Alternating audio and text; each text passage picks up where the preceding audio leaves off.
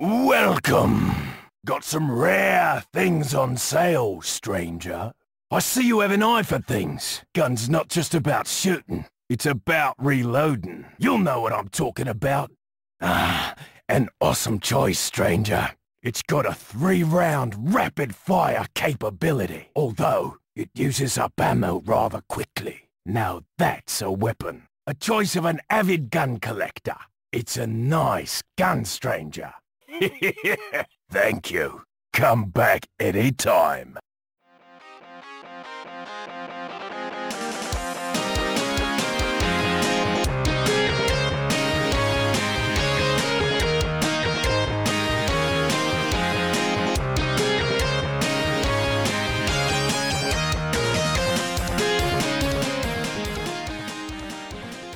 Hallais, og hjertelig velkommen til Spill. Podkasten der vi tar et dypdykk i eldre, men også nyere spill.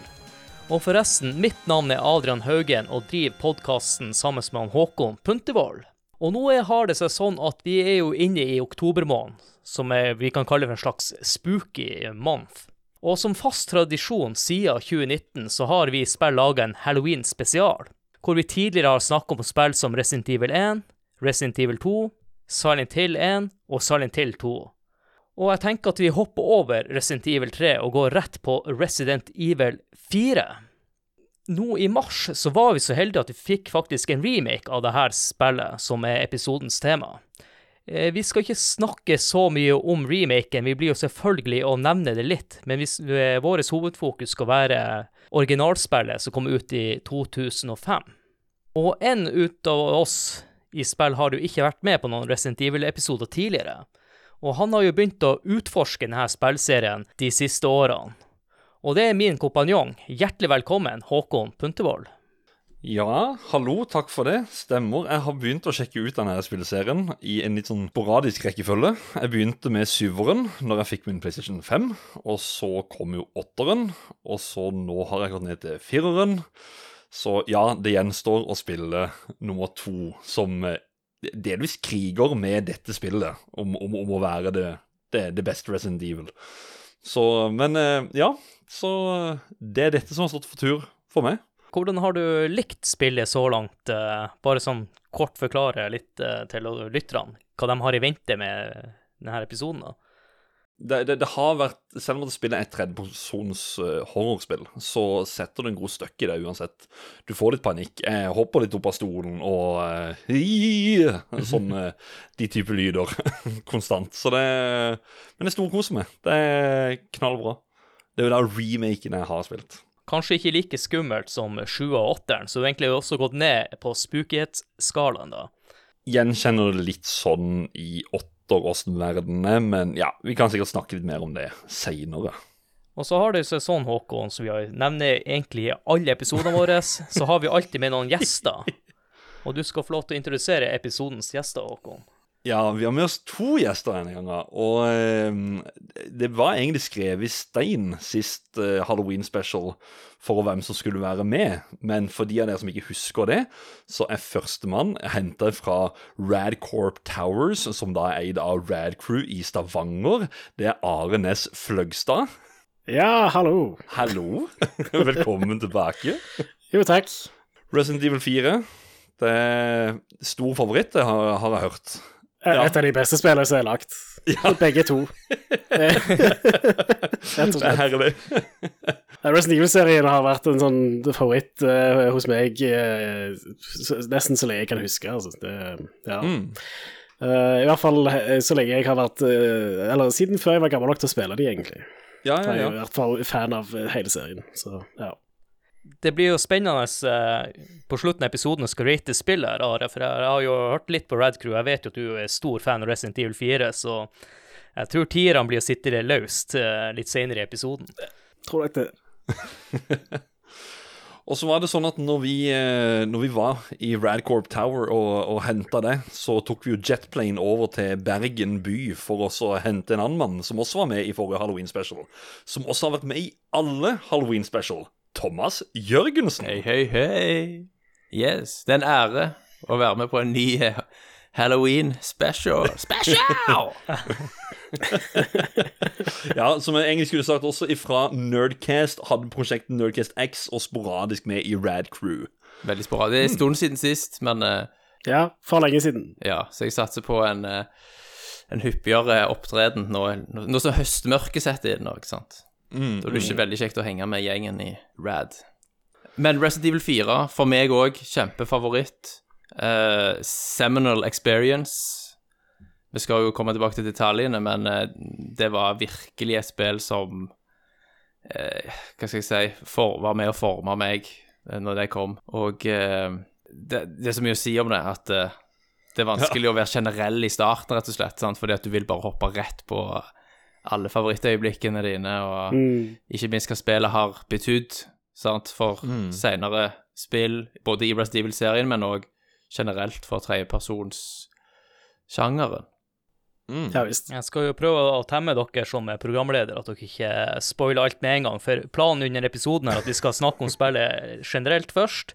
Og for dere som ikke har lyst til å få spoila spillet, så blir vi gi beskjed når vi skal gå litt mer i historien, og både Are og Thomas skal få slippe seg helt løs. En annen ting jeg også har lyst til å nevne, er jo det her eh, at du har vært med på alle Halloween-spesialene, eh, Thomas. Og det her er den femte Halloween-spesialen. Men jeg får ikke regnestykket til å gå opp, for spillet er ikke blitt fem år. Så jeg skjønner ikke helt eh, om jeg er dårlig å regne på fingrene. Jeg spiller seks år? Jeg skjønner ingenting her. Første, første Resident Evil-episoden lagde dere utenom Halloween-episoden, eh, tror jeg. Jeg tror det bare var en sporadisk episode. Nei, jeg, jeg, jeg er ganske sikker på at det var eh, en høst, det også, i 2019. Vi har spilt inn 2019, 2020, 2021, 2022 og nå i 2023. Ja, kanskje det er fem. Ja. Det blir jo fem, det. det. Matte. Du glemmer å regne med den første, sant? Ja. 18, 19, 20 Nei, altså 19, 20, 21, 22, 23. Det er fem. 24, 25, 26, 27 Jeg kan telle. Ja, ja, ja, jeg, så, ja, men spillet er jo ikke blitt eh, fem år ennå. Det er det er ikke skjønner. Nei. Ja. Nei, Det det er får bli et mysterium. 6. desember 2018. Det var en liten uh, twist. Eh, Jeg føler meg litt dum. Kanskje har uh, jobba litt lenge i dag. Eh, hvor vi var hen. Vi må jo forklare gjestene hva er, hvordan type spill er Resident Evil eh, 4. Det er ikke helt en survivor horror som eh, de forrige spillene. Det er jo litt mer sånn action-horror-spillaktig. Tredjepersons, tredjepersons action-horror, ja. Shooter. Eller, eller action med horror-elementer, eh, eller Ja, jo, noe. Ja, jeg vil jo si at det er fortsatt et survival horror-spill. Det har fortsatt en del av de der elementene som Ja. survival horror har, da. Ja. Det, det som det ikke har, som Resident Evil-serien hadde fra før av, var dette med uh, at du mye hadde mye backtracking og sånt. Mm. Det er det minimalt av i Resident Evil 4. Men ellers så har det veldig mye av de tingene som Resident Evil-serien tradisjonelt sett hadde. Ja, og så gikk de jo vekk fra pre-rendered bakgrunner. Uh, for så vidt hadde de jo allerede gjort det i Code Veronica, men Mm. Det ble det, I Code Veronica så var det likevel Så var det jo allikevel faste kameravinkler. Ja. Sant? Det var jo ikke et over skulderen-kamera som fulgte deg. Det var fortsatt old school tank controls, sant? Mm, stemmer. Jeg tenkte jeg skulle fortelle dere og lytterne hvordan det hele ble til, da. Ifra de her tankkontrollene tankkontrollerne Thomas beskriver nå, og prerendra bakgrunner til eh, det vi endte opp med å få.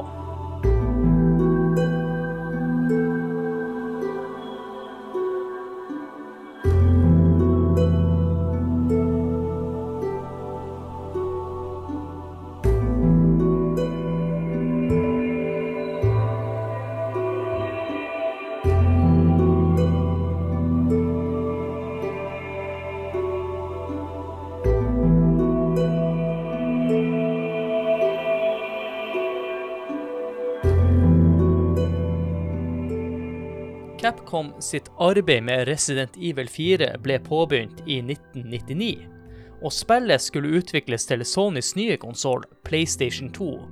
Og seriens skaper Shinji Mikami hadde nå overlatt directorrollen til sin kollega Hideki Kamuya. Og det her var ikke akkurat en særlig lett oppgave han Kamuya hadde foran seg, siden Resident Evil-serien hadde oppnådd en svært høy popularitet og kanskje blir det aller viktigste spillserien for selskapet. ikke nok med det, han hadde også fått føringer fra Capcom sin ledelse, som han var nødt til å følge. Og de ønska at spillet skulle være mer edgy, men også mye kulere enn forgjengeren. Et ønske både han Kamiya og resten av utviklingsteamet var enig i at spillet trengte. Det hadde nå gått to år siden han starta på prosjektet, og resultatet var et veldig actionprega spill. Et spill som rett og slett hadde blitt for kult til å være et Resident Evil-spill, og det fravik veldig fra spillseriens kjente horrorelementer. Og Camillo sjøl var veldig klar over at hans skaperverk ikke passa inn som et Resident Evil-spill, men han tenkte at dette kunne bli sin egen greie. Så, den 2. august i 2001, så ble spillet sluppet ut til PlayStation, under tittelen som mange kjenner i dag, Devil May Cry. Capcom sto nå med en ny IP, men problemet var jo at de ville bruke enda lengre tid før et nytt Resident Evil-spill ville bli utgitt. Og de var jo også nødt til å starte helt fra scratch. Dermed ble et nytt prosjekt startet opp i slutten av 2001, og denne gangen skulle de utvikle spillet til Nintendos nye konsoll, Nintendo GameCube. Og prosjektet som i ettertid er kjent som Fogburson, skulle nå bli ledet av en ny mann, han Hiroyoshi Shibata.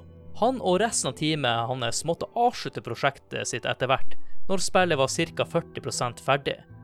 Og konklusjonen fra Capcom sin ledelse var at spillet var visuelt vakkert, men det mangler det lille ekstra.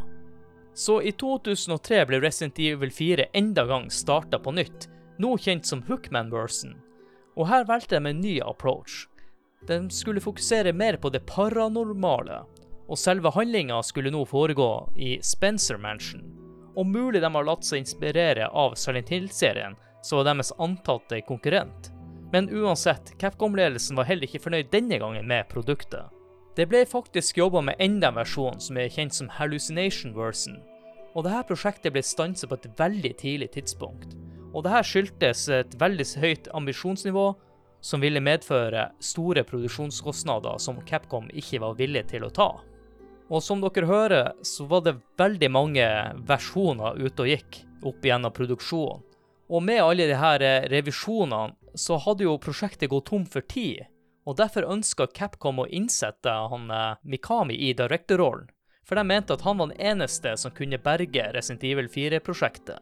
Hans største visjon var at Resident Evil skulle skifte retning og gå heller over til å bli et mer action-horror-prega spill.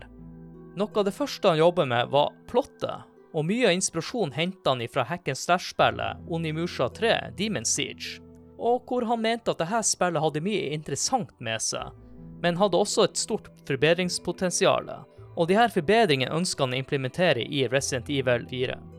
Og han brukte rundt tre uker på selve arbeidet med plottet, da. Og det her skyldes egentlig delvis tidspresset han sto overfor, og han ville bruke mest mulig av tida si til å fokusere på selve gameplayet. Han mente også at serien eh, generelt trengte en ny overhaling, og derfor ønska han å bygge videre på tredjepersonkameravinkelsystemet som allerede hadde vært utvikla gjennom de tidligere versjonene av spillet.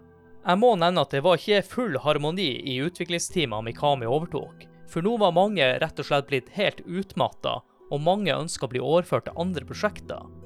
For vi må ikke glemme at mange av de her allerede har jobba på de fire foregående prosjektene, og andre igjen var veldig skeptiske til den nye retninga. Og det må nevnes også at Mikami sjøl var litt nervøs med tanke på sitt retningsvalg. For det største drastiske valget han gjorde, var å bytte ut de velkjente zombiene med nye og mer mobile fiender, som de valgte å kalle for Ganado. Og for å toppe det hele, så ønsker han også å implementere inn quicktime events. Så etter seks år med utvikling og flere revisjoner var endelig Resident Evil 4 klar for å, å bli utgitt. Og spillet kom ut 11.11.2005 på Nintendo GameCube. Og så ble det noen måneder senere utgitt en PlayStation 2-versjon 25.10. Og her fikk de også med Separate Ways-scenarioer med Ada Wong i hovedrollen. Og spillet høsta gode kritikker og har en metacritic-score på 96 av 100. Og nå, 23.3.2023, ble remaken av Resident Evil 4 tilgjengelig. Og med det så har ikke jeg så mye mer å si om historia til Resident Evil 4. Jeg har jo selvfølgelig korta det ned ganske mye. Jeg kunne sikkert ha snakka mye mer om de forskjellige versjonene som kom ut. Og jeg regner med at eh, dere har vel noen kommentarer til det som er sagt, så kanskje vi går nærmere inn på noen av de versjonene. Så er det noe dere har lyst til å kommentere? Eh, Kanskje det som du sa om Om eh, den påbegynte versjonen som ble scrappa. Ja, så anbefaler jeg alle til å gå Altså, den eh, Den som det var en trailer til. Ja, Hook version, er det ikke det? Eller Hookman, ver hook version. Hookman version, ja. ja. Hvor det er en hookman Du ser en hookman i den Ja, traileren. sånn spøkelsesaktig, gjennomsiktig figur med en krok på hånden. Hook from Den, Peter Pan. den finner du på YouTube, sant? Mm. Ja. Fortsatt. I ganske råten kvalitet, men ja, den er Men jeg husker når jeg så den, så var det liksom bare Sant? Da Nå Shit's going down. Sant? Dette blir sinnssykt. Det er interessant å se den versjonen, fordi den har eh, Litt sånn som Resident Evil Code Veronica, hvor han har ikke Den er, har ikke prerendra bakgrunner, sånn som Men du har allikevel at eh, han Det ser ut som du kan sikte eh, manuelt, sånn som du kan i den endelige versjonen av spillet. Mm. For at når han tar opp pistolen, så går kameraet bak skulderen, sånn som i den versjonen vi fikk, da, av Resident Evil 4. Det er bare det at i den versjonen vi fikk, så er kameraet alltid bak der. Den hadde en, fortsatt en større fot i den gamle designfilosofien. Ja, med sånn kjipe kameravinkler Ja. som eh, er der bare for, For å det- fucke med deg. Ja. ja, rett og slett. En, en ting jeg ikke nevnte hvorfor denne versjonen ble scrappa, en ting var jo at den de følte at det var litt sånn utafor det de prøvde å oppnå, da. Men i tillegg så krevde det her spillet så mye maskinkraft at eh, de ville da ende opp med å kunne ha én fiende i spillet. Og de vurderte å rett og slett bare ha han Hookman i hele spillet. Som en slags sånn eh, Mr. eh, Mr. X, da. Mm, stemmer. Og det følte de rett og slett var feil. Ja, jeg, jeg, sånn sett er jeg veldig glad for at vi fikk det Resident Evil 4 som vi fikk, da. Enig. Og så er det veldig Silent Hill-prega, den demoen i hvert fall. Mm. Og, og det, det, der, det overnaturlige er ikke noe du generelt sett ser i Resident Evil-serien. Det er alltid en eller annen sånn vitenskapelig forklaring med virus som har blitt utvikla. Ja. Sånt. Det, det er ikke noe overnaturlig i de spillene. Selv om de, de, de er jo ikke akkurat Det er ikke akkurat, er ikke akkurat Det, scientifically det, det er ikke accurate. troverdig på noen selvs måte, liksom, men det er likevel ikke spøkelser. Ja. sånt. Eh, Det det som også er interessant med den demoen der, er jo at de hadde også med der quicktime events. Ja, stemmer. Så når den siste versjonen av den Resident Evil 4-versjonen vi fikk, eh, eller ikke en versjon, men spillet vi fikk, så brukte de fortsatt mye ut av det som laga ifra det spillet, da. Implementert Mm. videre til Resident Evil 4. Og så de smådetaljene som dere snakker om det med, med kamera bak hele veien. Når det gjelder utviklingen av Resident Evil 4, så syns jeg det er interessant å se på Devil May Cry òg. For den serien har jo utvikla seg til å være veldig sånn Du skulle ikke tro at det originalt var et Resident Evil-spill, men hvis du spiller det første Devil May Cry, så ser du at det er en del ting fra Resident Evil i det, da, som de har gått litt vekk ifra senere i serien. Men det er jo veldig sånn stylish combat. Det lagde jo en slags sjanger, det òg. På samme måte som Resident Evil lagde survival horror som en sjanger. Eller de ikke lagde det, men definerte det. Stemmer. det si. Ja, en liten ting jeg ikke nevnte helt, helt i starten.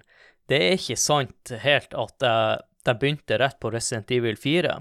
Fordi at eh, Resident Evil 3 som vi fikk, som egentlig heter bare Resident Evil Nemesis Han Mikami og jeg tror også han Kamya, de mente at det spillet her Kan jeg ta feil med Kamya, at han ikke hadde noe med Resident Evil Nemesis å gjøre.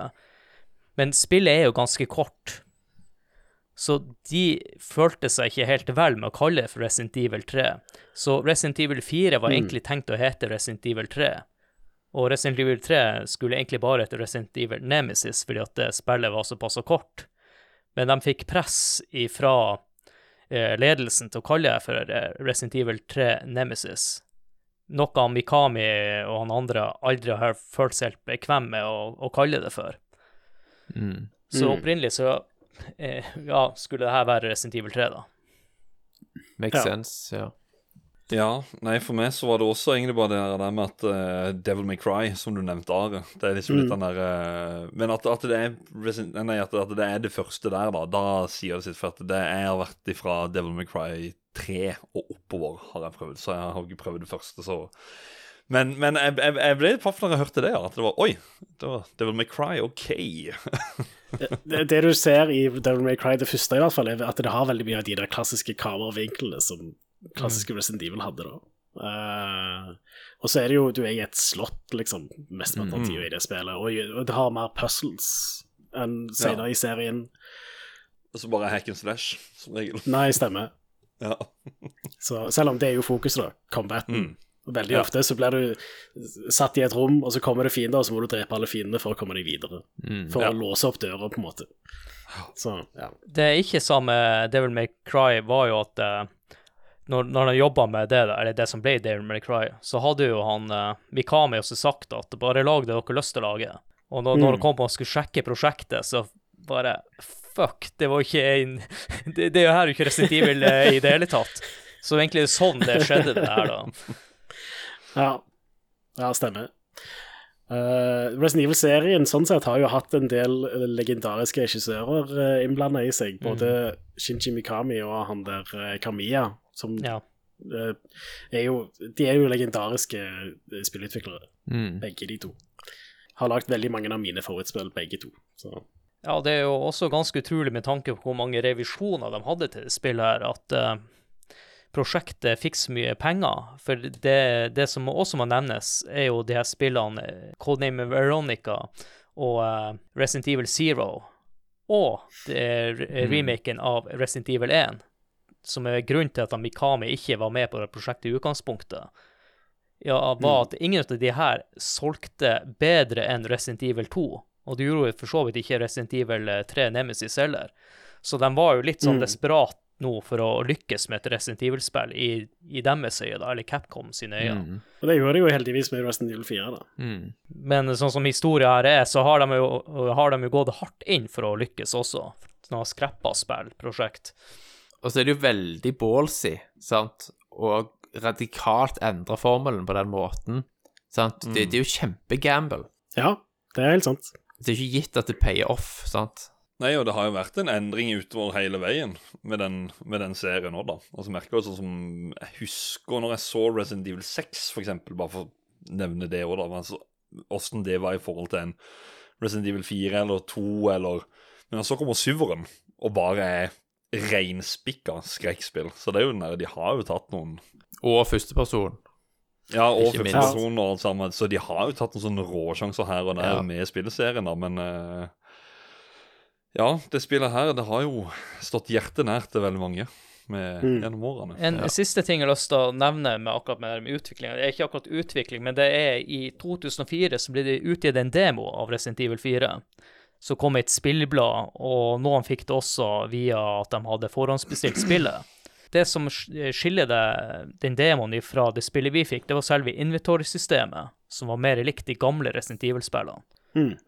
Ja, nå har ikke jeg spilt de gamle, nå har jeg bare gått i rekkefølgen 7, 8, 4. Så, går jeg. Ja. så jeg går nedover på Vi er jo tre andre som har gått rett veien, så Ja, ja, ja. Det er jo interessant, det også, syns jeg. For det var jo det jeg snakka om i Final Fantasy 6-episoden også. Det med det derre å gi ut demoer av spill og sånne ting, og eh, i form av blader og, og alt dette her, og hvor mye det har å si for spillerne, da, mener jeg. Det er jo mm. Mm. Jeg tenker at vi skal gå rett på sak nå og uh, snakke om de her uh, overhalingene de har gjort fra de tidligere Resident Evil-spillene. Og du nevnte jo litt uh, før eh, jeg fortalte dere om eh, bakgrunnshistorier. Det her med at de endra på kamera, eh, gikk bort fra prerendra bakgrunner. Hva dere synes om de her valgene, da? Gjorde de det rett, eller burde de ha gått eh, fortsatt beholdt litt av det gamle? det, for sin tid så var det absolutt det rette valget. Er, er jo det, da. Altså, de, de, de lagde et, et eh, actionspill som definerte tredjeperson actionspill eh, helt fram til nå. Eh, du, du kan liksom Før Resident Evil 4 så, så var tredjeperson action annerledes enn det de er i dag, liksom. Og du kan takke Resident Evil 4 for det. Ja. Men det, det er litt sånn Og for sin tid så var det bare sånn det sykeste jeg hadde spilt. Det var det beste. Men når jeg tenker liksom tilbake på Resident Evil 4, så føler jeg òg at det, det er da Resident Evil-serien skifta retning og begynte å bli eh, ikke helt det jeg ønsker til den serien Eller ikke helt det jeg vil at serien skal være, da.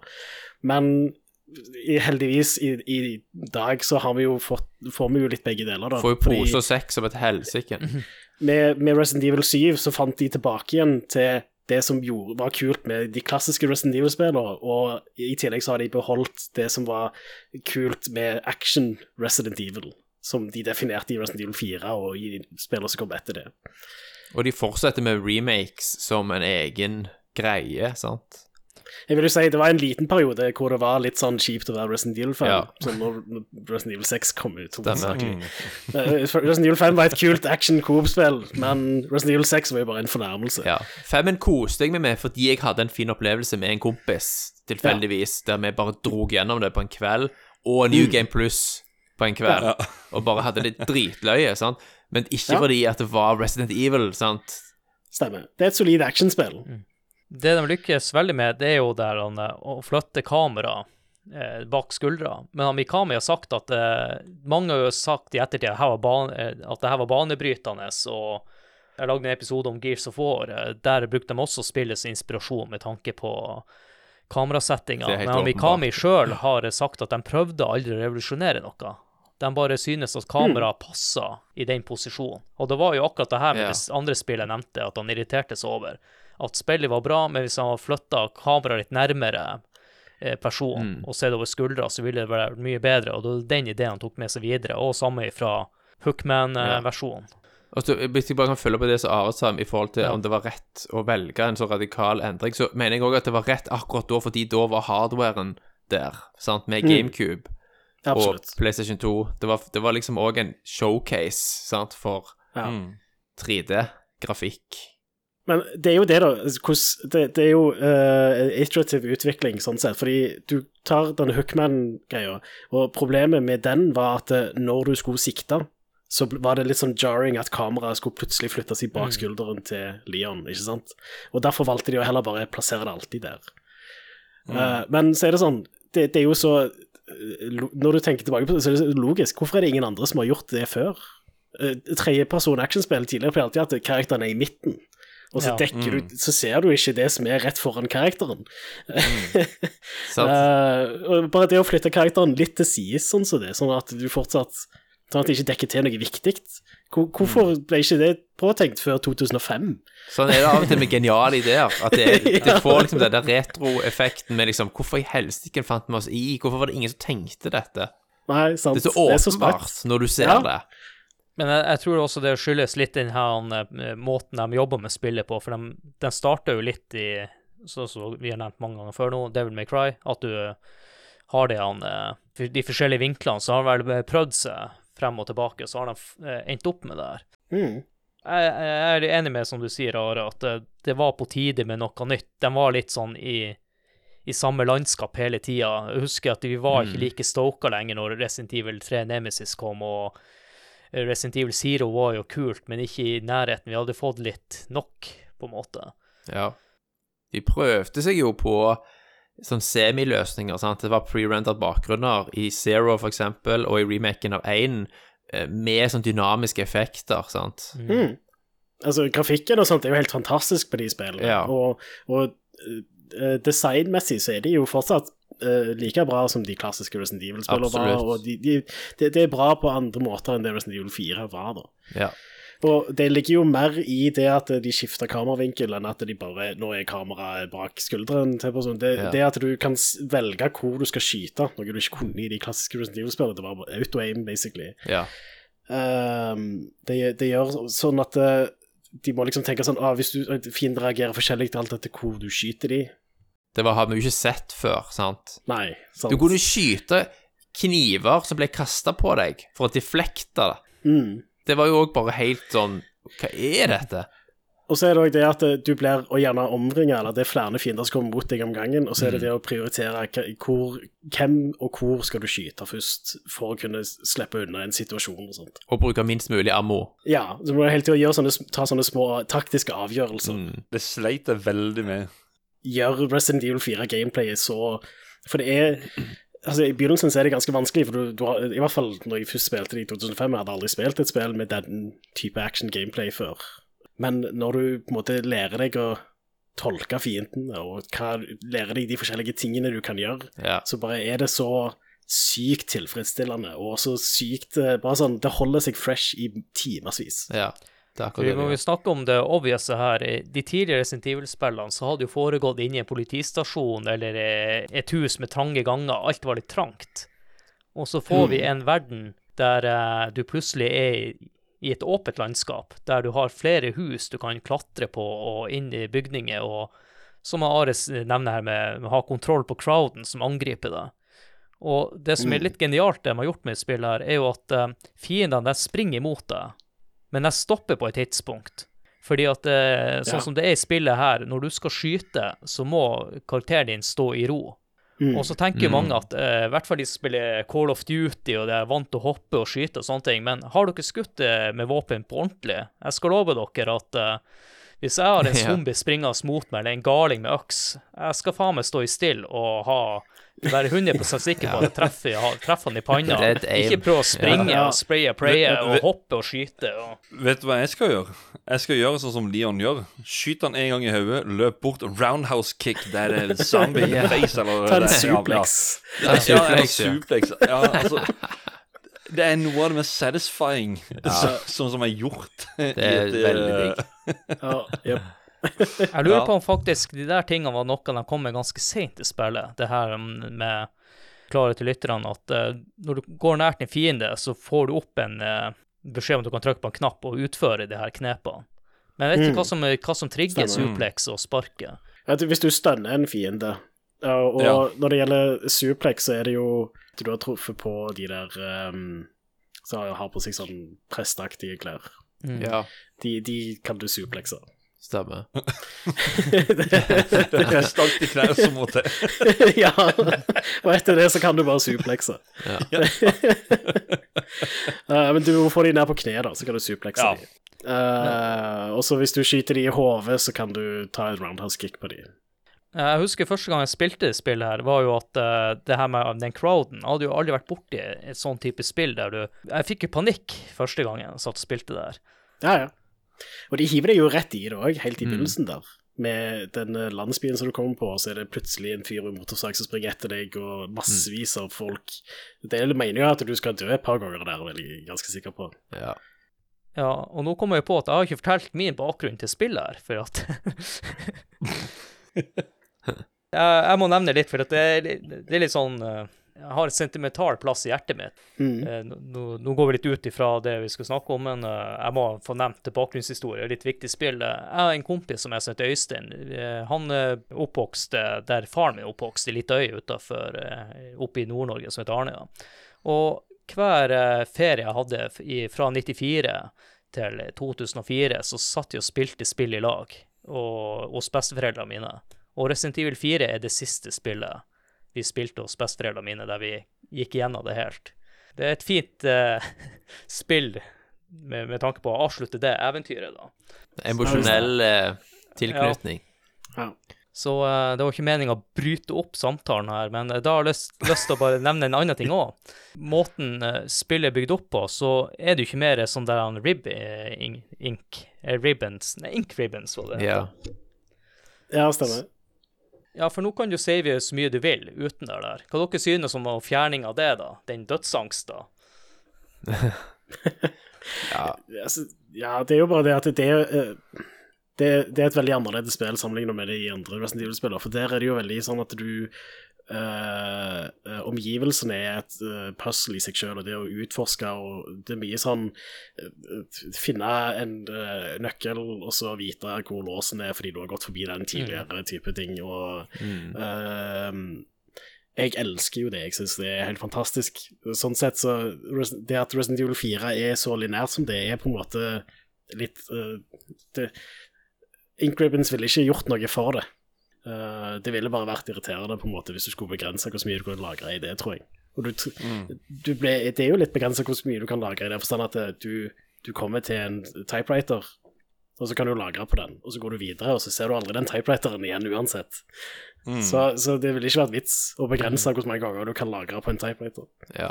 Kanskje litt deilig det der med å eh, Når jeg tenker på spill her, jeg også syns er bra med det, er jo kanskje i de eldre Resident Evil-spillene blir kanskje litt lei av det å springe rundt i samme lokalene.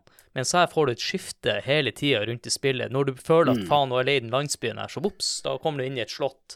Og du begynner å bli lei det slottet, så kommer du til en annen plass igjen. Nå skal jeg ikke spoile alt enda, men uh, han passer på meg sjøl der.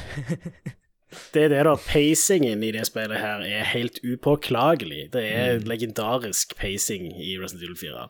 Og det Det er er mye på grunn av det lineære designet, da. At det var nok lettere for dem å bare holde det gående, sånn at du bare du, du, Ja, det, det er vanskelig å legge det fra seg Mm. når du først har begynt. En annen ting jeg har lyst til å, vi er nødt til å nevne her, som er kanskje det mest kjente med hele spillet. Det er mange som ikke har engang har spilt spillet og vet om denne personen. Det er jo denne vendoren. What are you buying?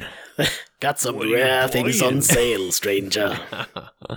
Oh, hello there, stranger. Fantastisk. What are you buying?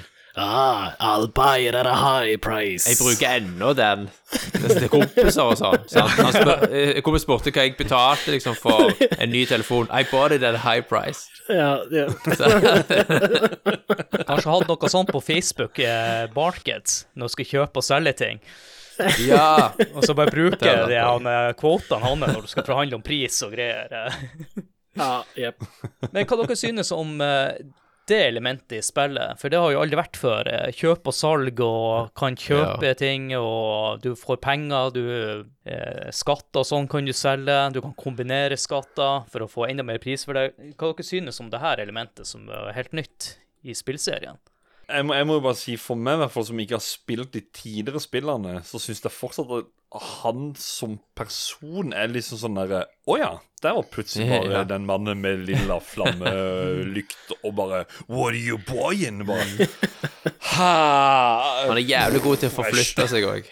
Ja. Ja, ja, ja. ja. Det er liksom Hvor, hvor er det han har forflytta seg og sånt? Og øh, jeg kjente det jo igjen da ifra sånn som Resident Evil 8, siden jeg har spilt det, så var det jo han Jeg husker ikke navnet på han, men det er en sånn lignende greie der òg, som er sånn Å, du er her. Ehm, kult.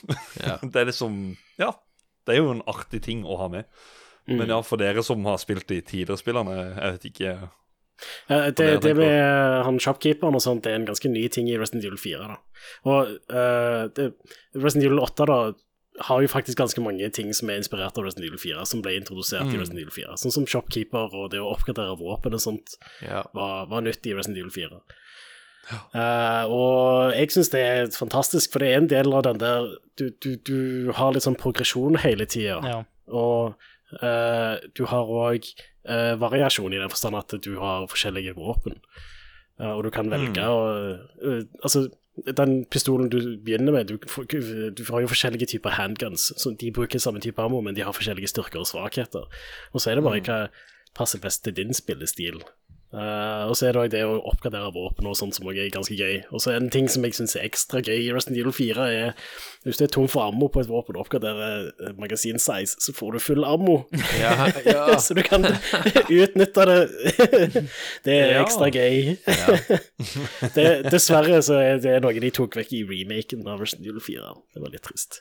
Men det er fortsatt noe du kan gjøre i Village, da, hvis jeg ikke husker helt feil. ja, kult. Liten detalj.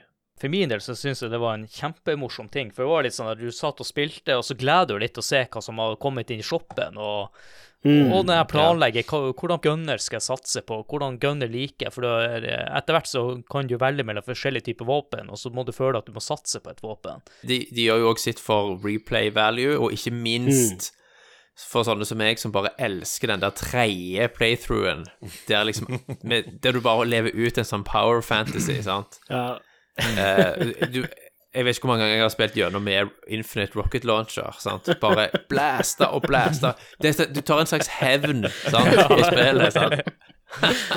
Du husker hvor mye du sleit her, og nå er det bare bam, bam! Det er utrolig deilig følelse. Og den har de virkelig videreført i remaken. Er det det som er favorittvåpenet ditt, da? Nei, favoritt, favor, Nei, hva er favoritt? Jeg tror, jeg tror kanskje den der eh, Red Nine, den der var jeg veldig glad i. Den pistolen.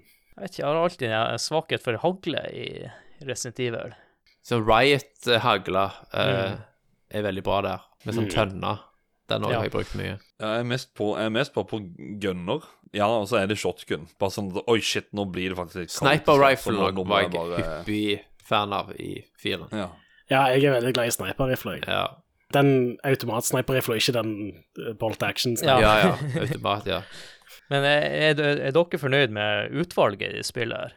Det har jo et våpen? sinnssykt utvalg Ja, det har jo sinnssykt bra våpenutvalg med tanke på de forrige Resident Evil-spillene. Nei, altså, I det forrige Resident Evil-spillet så fikk du én type av et våpen, mens her så er det jo sånn tre-fire forskjellige handguns, du har eh, hva er det, tre forskjellige shotguns, to forskjellige sniperrifler Altså, du har mye mer variasjon i dette. ja. Uten en maskinpistol, det syns jeg er litt eh, svak til tider. Jeg vet ikke hvordan den er i Jeg bruker aldri automatvåpen i Resident Evil. TMP-en er, er grei bare for å bruke opp TMP-ammo. Ja. Når du, når du har lite ammo av alt det andre, så, så må du bruke den. Det er stund. Ja. Han er funksjonell. Det, det sier sitt når uh, det er nødløsninga over uh, pistolen, da, som har normalt sett vært nødløsninga i de andre spillene. Nå tenker jeg at vi skal ikke spoile noe, men vi må jo snakke om det andre vi har nevnt litt, det her overgangen fra zombier til noe annet. Las Plagas-interesserte befolkning. Hva dere synes om det valget, da? ja, det var jo veldig interessant, for det òg var jo veldig kontroversielt, sånn Veldig fra kontroversielt. fanståsted, sant? Fordi zombier er jo på en måte ensbetydende med Resident Evil. Så det at det ble noe annet her Jeg var skeptisk, husker jeg, men eh, jeg elska det jo når, jeg, når det kom i gang. Sant? For du, du fikk jo litt mer interessante fiender sånn, i forhold til at de er litt smartere, sant? Og, Ja. og gir deg en større utfordring. Mm. Eh, samtidig som du beholder det der creepy elementet på at de, ikke, de er ikke seg sjøl, sant? Ja. De, de er styrt av noe. Ja, det, det er noe med det at eh, de er faktisk eh, eh, De er på mange måter zombier, Ja. men de kommuniserer med hverandre, og det er ganske uhyggelig. I hvert fall sånn helt i begynnelsen, eh, igjen med den der scenen når du kommer til landsbyen, når du springer inn i det huset, og så ser du at det er en fyr som står og roper til de andre, og sånt, og så plutselig så kommer det en fyr i motorsag og sånt, og det er bare sånn Å, shit, disse folka her er eh, galne og kan faktisk kommunisere og planlegge og Ja. Og de har språk, liksom. Enkelt språk. Mm. Jeg synes det var veldig kult. De, de, de, når de først skulle gå vekk fra zombier, så tror ikke jeg de kunne gjort det på en bedre måte. Med mer interessante alternative fiender. Enkelt sagt batshit crazy, for å si det sånn. Ja. Det, det, du kjenner, du kjenner frysning Altså sånn eh, skrekk, skrekkfilm generelt, det som er liksom highest ranking for meg der med skummelt, det er liksom sånn derre rynkete eldre damer som ser ut som nesten, nesten sånn heks eller sånn. Ja. Det er så mange av de i den byen der. Fytti grisen. Sånn, de går så sakte imot der du bare hører mumlinger et eller annet, og de snakker til deg. bare, Nei, vet du hva, skyter henne rett i hodet. Roundhouse kick.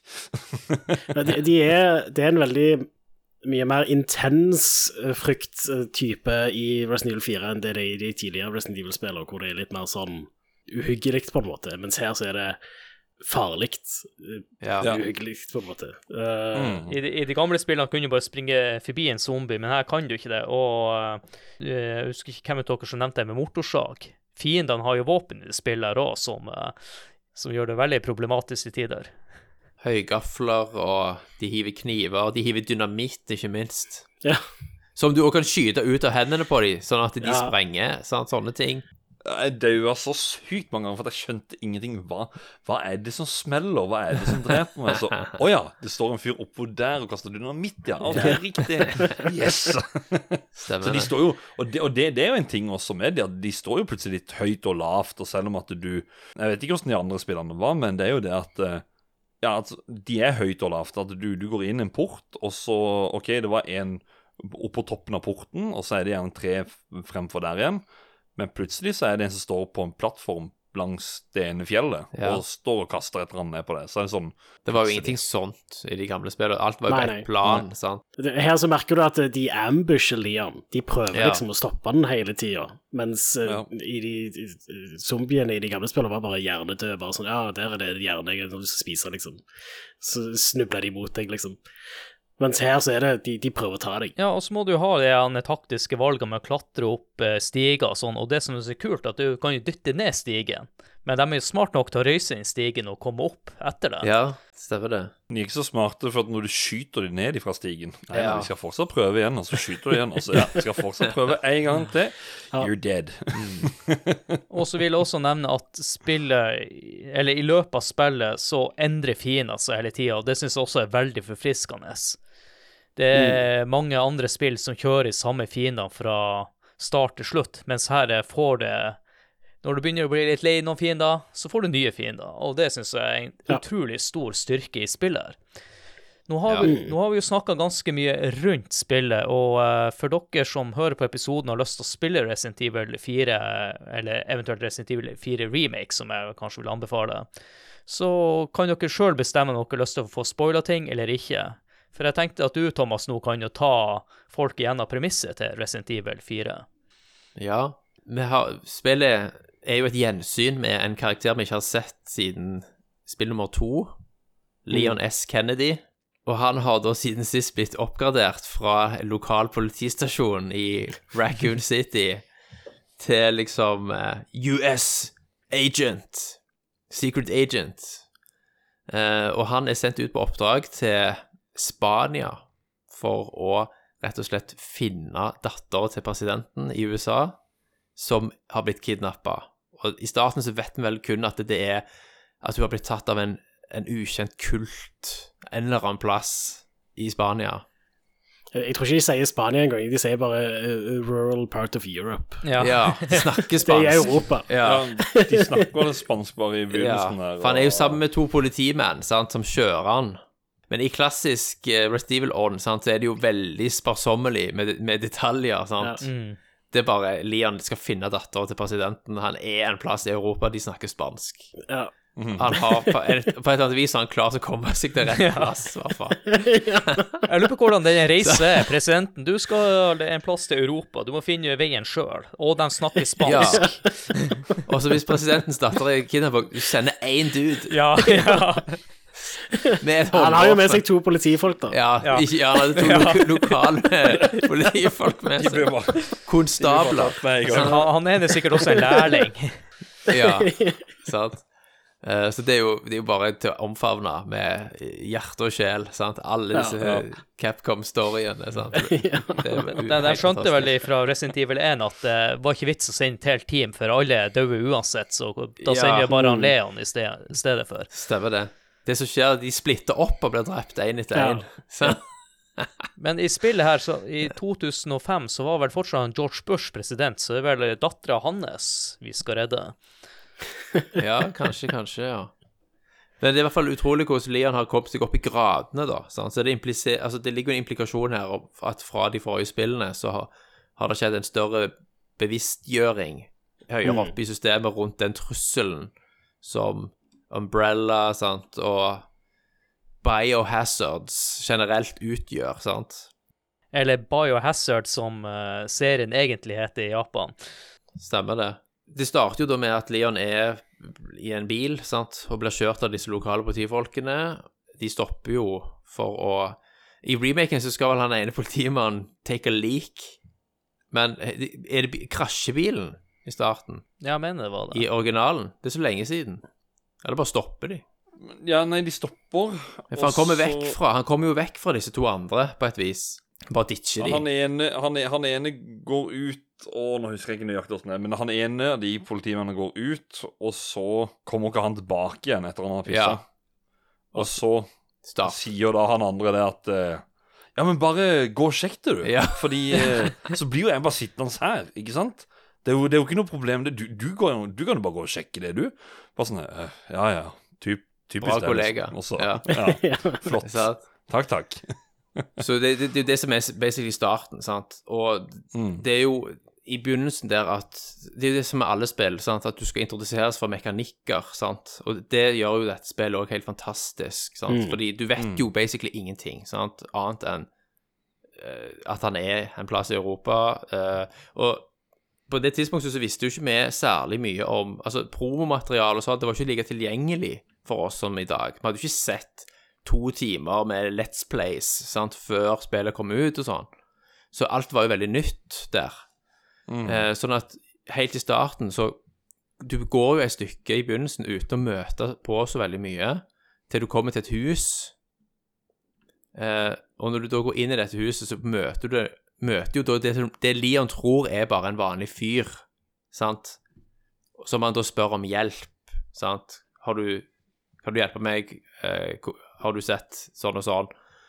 Og så blir han da møtt med liksom aggressivitet fra den personen som han ikke klarer å forstå. Så han går jo til angrep på Leon. Så Leon blir tvungen til å skyte han. Oh my god, it's coming right for us! Sant? Så han måtte jo ta han ned. Eh, og det kommer flere til fra denne landsbyen og ganger opp på Leon.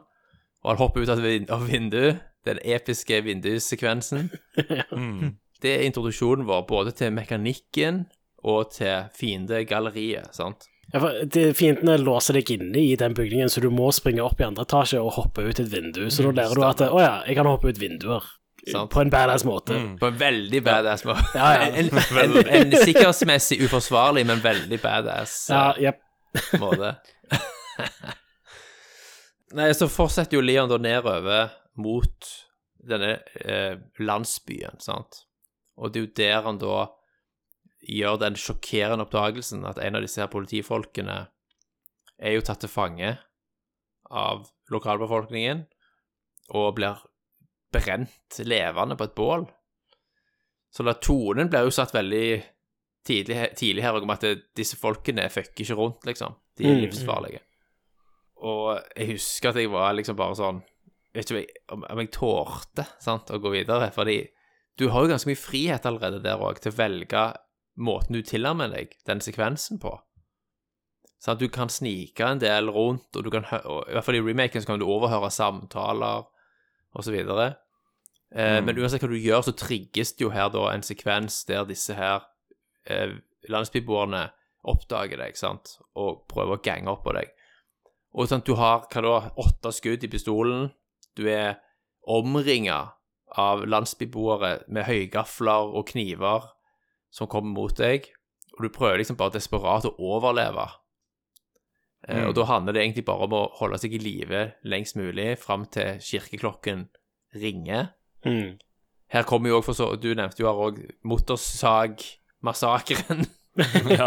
Og det, motorsagfyren er jo sånn, han kan, hvis han kommer nærme nok, så tar han deg på ett slag, uansett hvor mye helse du har. Han skjærer av hodet ditt. Eh, men så ringer denne kirkeklokka, som da på mystisk vis får alle til å bare slippe det, det de har i hendene, og bare trekke vekk. Ja, de skal til bingo. De skal, ja, originalen så er jo, kom jo den ikoniske. Remaken òg, heldigvis. Ja, de har jo beholdt den. Ja. Alle var jo livredd for at den ikke skulle være med i remaken. sant? Where's everybody going? Bingo! Hell yes. Men det som er morsomt der, er jo at eh, den dialogen er jo teksta om, da, fra japansk til eh, amerikansk. Derfor det er litt sånn cheesy one-linere. Ja, hva er originalen, da? Altså, hva er liksom meningsinnholdet i, i, i den japanske? Spille Ja, men det er ikke sånn Ja, japanere everybody skjønner aldri helt hva de mener. Nei, de, nei, nei, nei, nei, til Japan så er det bare Her skal de til Arkadehallen. Hva, det- hva er det som skjer? Ja, ja. Men det, det ville ikke overraske meg om uh, den japanske Eller dialogen i den japanske versjonen er mye tørrere enn den amerikanske, da. For det, den amerikanske er jo lokalisert, og det er lokalisert med et litt sånn glimt i øyet, da. Det gjelder mye bra, cheesy og funny dialoger i Resident Evil 4, så Veldig, veldig. Han, eh, Are nevnte motorsagduden. En liten eh, ting der er at i den japanske versjonen så kapper de ikke av hodet. det er på grunn av sensur, altså Ja. og sånt. Nettopp. Men i hvert fall fra det tidspunktet av, altså fra eh, alle trekker vekk fra landsbyen, sant, så er jo resten av spillet Jeg skal jo ikke spoile det, men resten av spillet handler jo da basically om å finne dattera til presidenten, deale med alle de onde kreftene du møter på din vei, og ikke minst et eh, galleri av bad guys som òg er helt bonkers. sant? Eh, Jeg vet ikke hvor mye Ja, det er veldig spesielle bad guys som du skal ta ut på veien. Du skal jo avdekke et større plott her, selvfølgelig, sant. Hva er, hva er det egentlig dette handler om? Hva er det som kontrollerer disse folkene?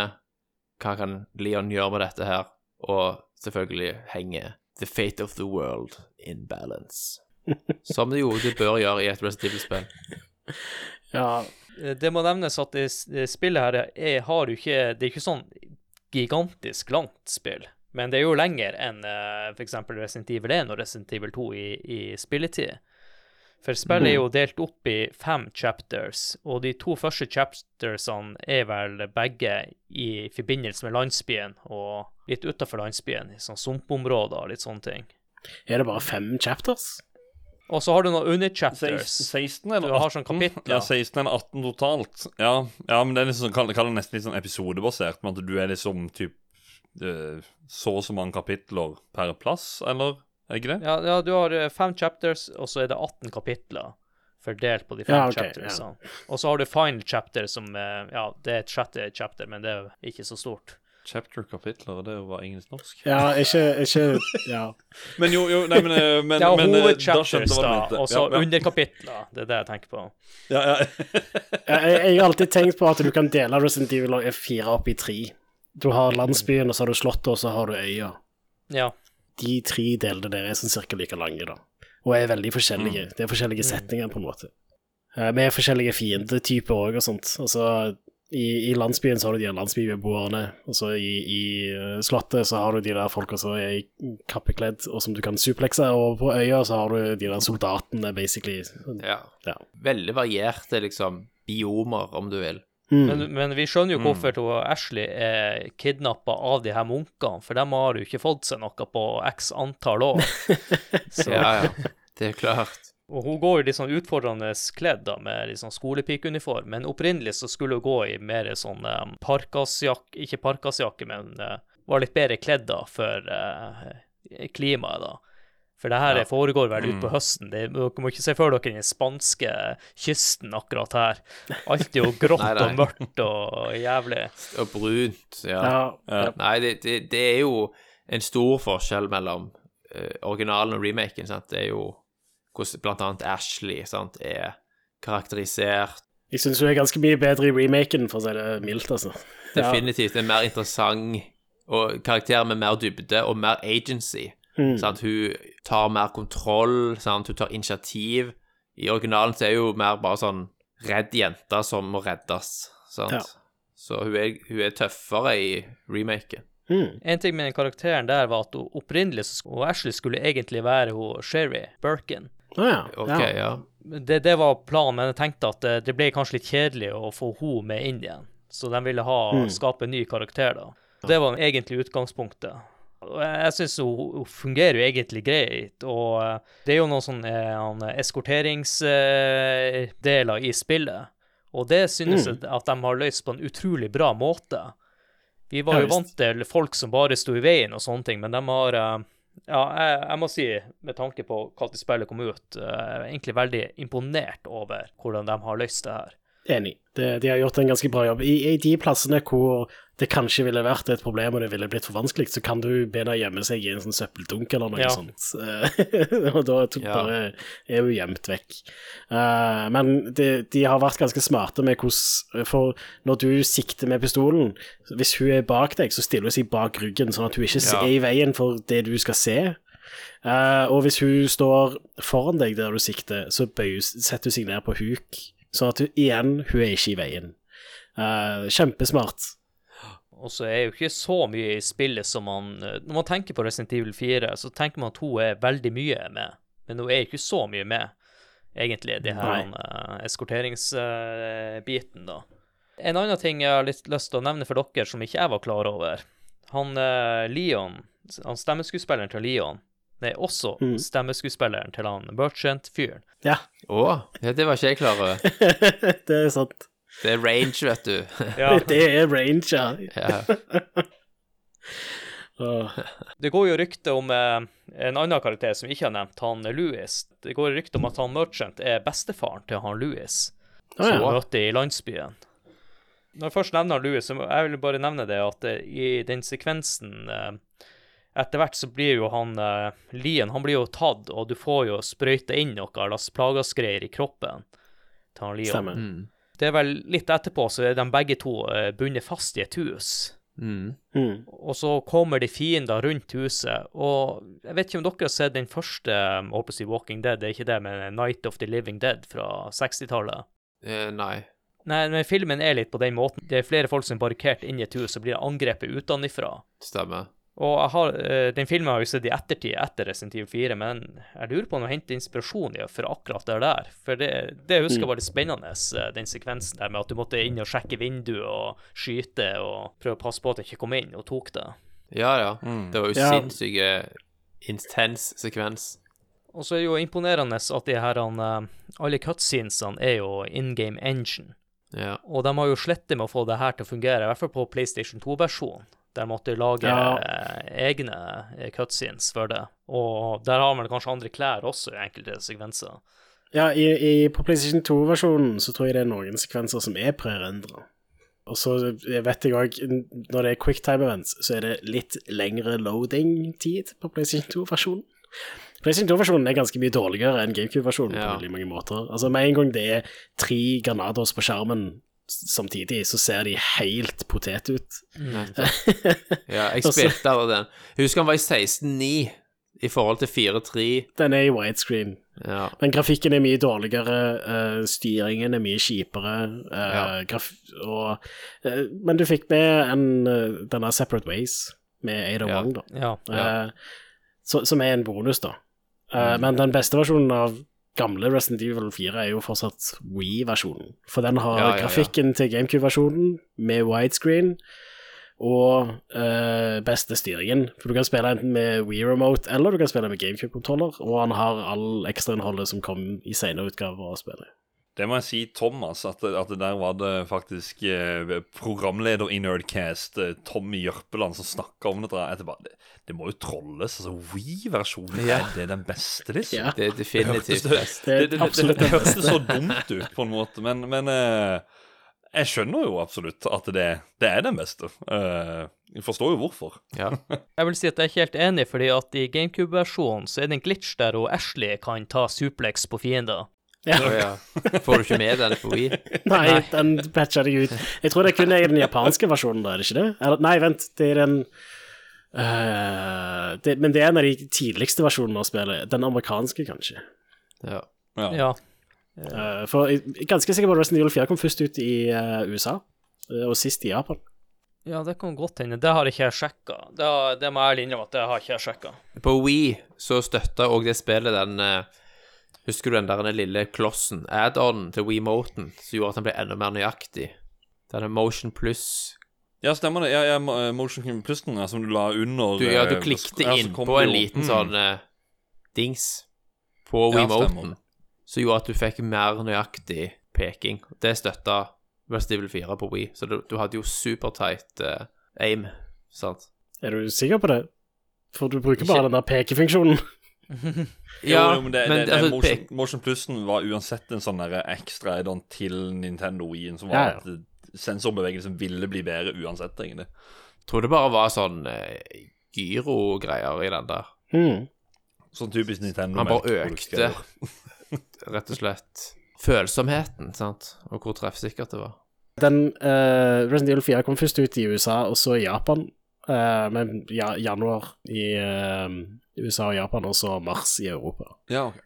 Og jeg er nokså sikker på at jeg har hørt at det, er i den amerikanske versjonen at du kan suplexe som Ashley, da. Og jeg tror Ja. de patcher det ut innen det kommer til Europa. Så da må du spille den amerikanske versjonen for å få den beste opplevelsen. Yes. Mm. Best badass Ashley.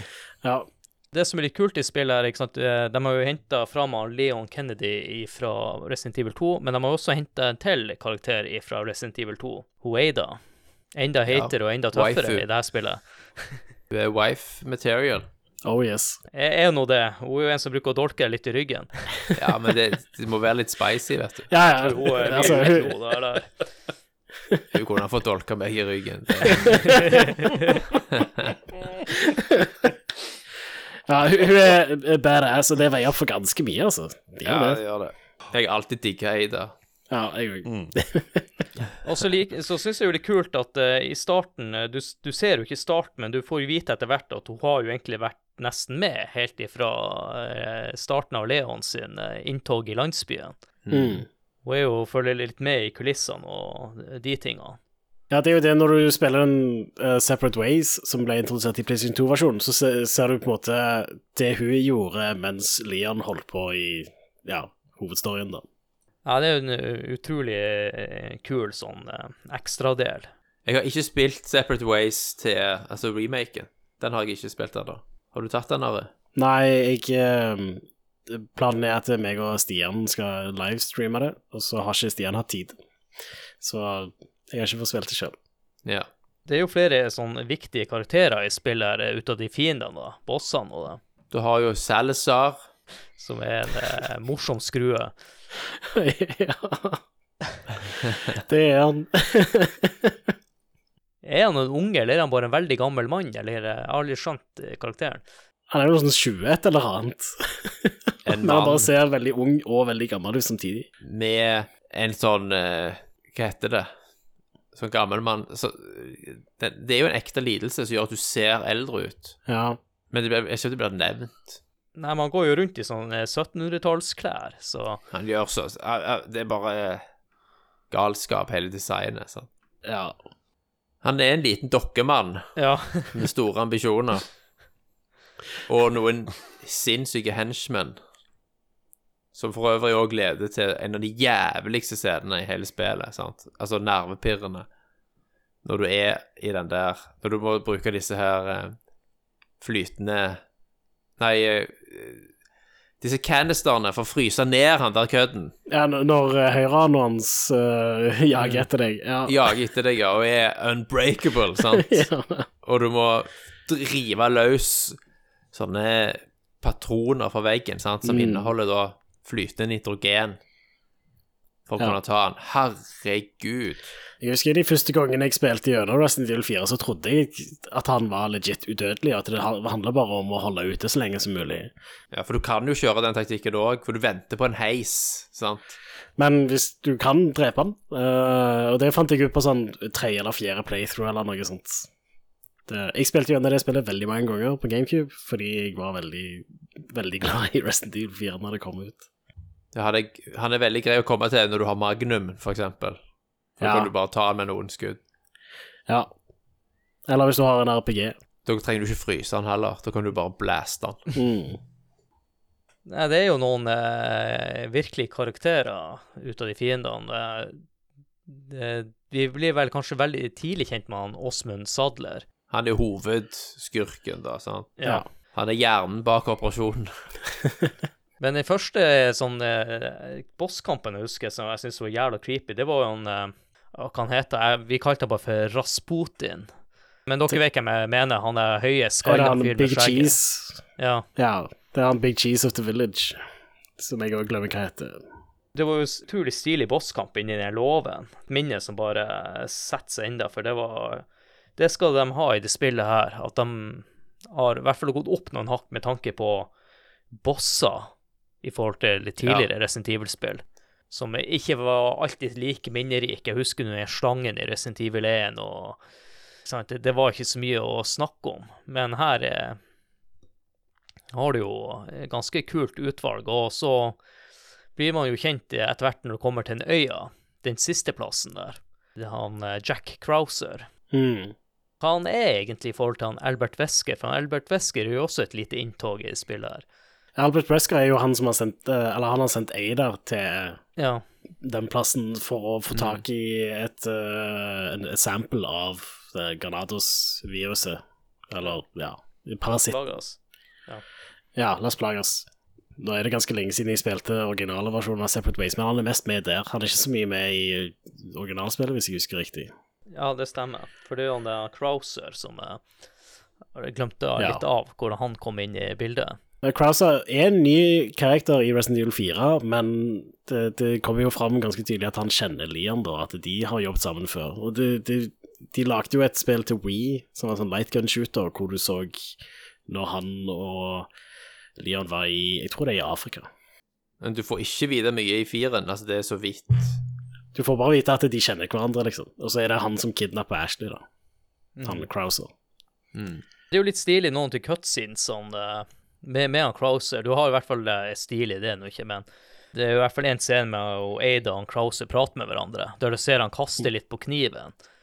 Og veldig fokus på det mens de har prater. pratet. fordi at under bosskampen med han Krauser Jeg lurer på om det er du, Are, som en gang nevnte det der, at det er en måte ikke å cheese bossen på, men gjøre sånn at han tar ekstra mye skade. For jeg husker jeg og kompisen kompis min og Øystein vi plagde som faen i den eh, episke bosskampen der. Men hvis du tar frem kniven, så kan du drepe han ganske fort. Det, kniven bare gjør mye mer skade på han. Ja. Ja. Og Så, det er jo Jeg vil ikke si naturlig, men med tanke på hvordan, hvor mye fokus de har på en kniv hans i enkelte cutscenes, så gir de på en måte et lite hint. Og jeg lurer på om vi Ja. fant ut av det her i ren desperasjon etter hvert, for det, i hvert fall første gang vi spilte den bossen, så mener jeg at vi plagdes en del.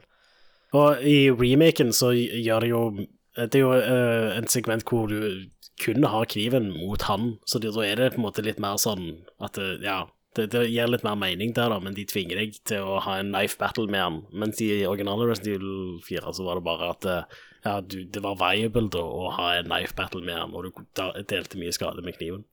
Jeg vet ikke om vi snakker noe om de quicktime-sementene, men uh, syns dere de funka bra i spillet, eller hater dere det når de dukker opp?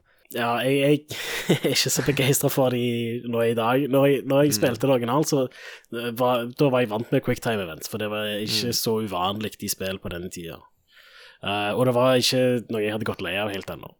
Nei, og det var, det var ikke veldig mye av det, utenom disse fight-scenene. Det er litt for mye allerede, nå, syns jeg, i dag. Det, det var alltid kjipt. Det var alltid veldig sånn Det brøyt veldig opp flowen, sant? Når du daua på en quicktime battle, sant, og måtte gjøre alt på nytt og sånn. Og så er det jo òg noen sekvenser, sånn som det er en sekvens med han der uh, Krauser, hvor du har eh, det er en eh, knivkamp mellom han og Leon. Og så er det massevis av quicktime events på, rett etter hverandre, og du har ikke så god tid på deg. og sånt, Så hvis du ødelegger, fucker opp der, da, så er det sånn ah, Ja, så må, må du se den veldig kule sekvensen en gang til, da. så ikke er så mye straff, egentlig, men det er fortsatt Ja. Quicktime events er aldri lagd for meg, for jeg, det står for eksempel A og B. Så jeg må jeg se på kontrollen. Hvor faen var A og B? For jeg tenker ikke over det normalt sett. ja. Så jeg bruker altfor lang tid. Jeg er akkurat som en pensjonist når du dukker opp de eh, knappene jeg skal trykke på. Sett meg ut hver Ja. gang.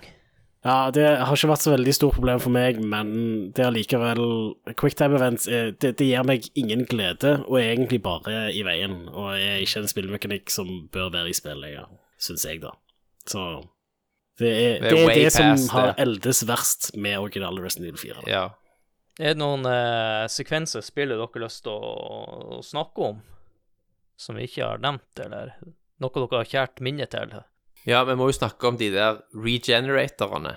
Åh, de er noen dicks, altså. Det, Og første gang du møter ja, det er jo det, da. Første gang du møter en regenerator, så er han eh, for all intents and purposes udødelig, for du har ikke det du trenger for å ta han.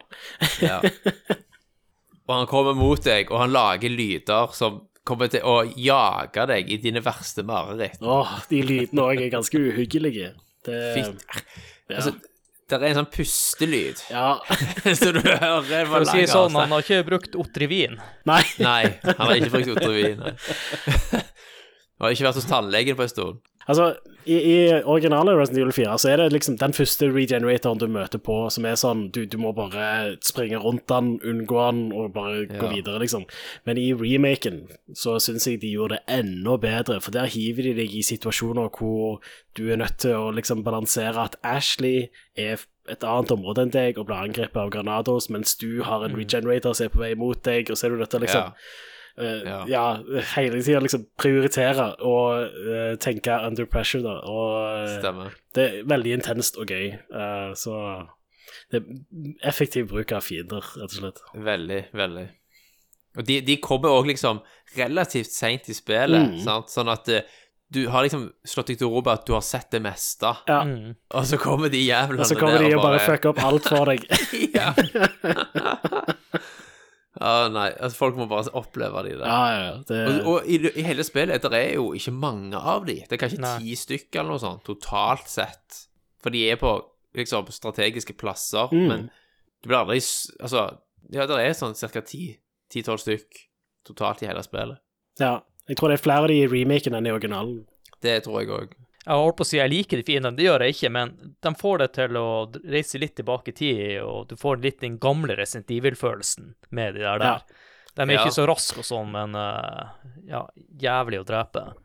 Og så er de skumle på en Ja. Både en sånn, den der intense, farlige måten som Resident Evil 4 briljerer på, men òg den der spooky, sånn som Ja. gamle Resident Evil var intenst. De er nasty. skummelt, da. Ja. Ja. Jepp, det er de. Så Jeg hadde notert, hadde som, notert det eh, ned, ja. ja, altså, som at han var en creepy fuck, men jeg vil også nevne den kanskje en av de andre fiendene som i hvert fall jeg og Øystein hata, det var jo han der giganten med Gatling gun som kunne drepe deg noen ganger. Sto litt sånn cheesy Ja. plassert eh, hvis du var litt uheldig. Mm. Uh, men han er ganske lett å ta ut, egentlig. Det er bare det at han er litt sånn irriterende hvis du ikke vet klarer helt å komme til han. Men han tåler liksom ikke så mye. Så uh, Mens regeneratoren er jo sånn De tåler evig, nesten, fram til du har rett Ja. verktøy. Og så har vi jo Det er jo også sekvenser i originalen som ble ikke tatt med i remaken. at For eksempel den bossen, vet du, med den tunga inne Mm. på den der toget som henger i Så du må liksom slå ut ulike seg seg segmenter og vet ja, Hva er det for noe? Det er en slags sånn mine-kart-tog, karttog. Ja. Gruvetog.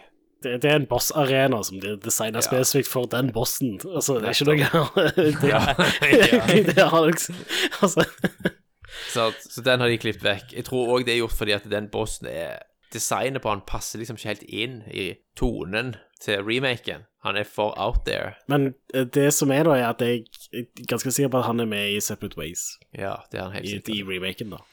Eh, Jeg tror det er en del av de tingene som de har klippet vekk fra remaken som med originalspillet, er klippet inn igjen i Separate Ways, på en måte. Ja, det stemmer sikkert. Sånn jeg har forstått det, da. Men jeg har ikke spilt Separate Ways sjøl, så Ja. Ja, du har Ja. ikke spilt remaken. Men eh, den fisken som jeg også skjønte ikke en fisk, men en salamander, den er også en sånn eh, minnerik sekvens der du skal kaste Ja. Evig med harpuner. Jeg vet ikke hvor mange harpuner som er i den der båten. Det er jævlig god plass i den båten Ja. til harpuner. Ja. Det var det det gikk opp for meg. For jeg, jeg drev og skøyt og skøyt og skøyt, så bare Herregud, hvor mange harpuner man ser i den båten. Hadde fått bare sank før jeg kjøpte ut. Ja, ok, ja, ja, ja. Men Det eh, er game logic, vet du. ja.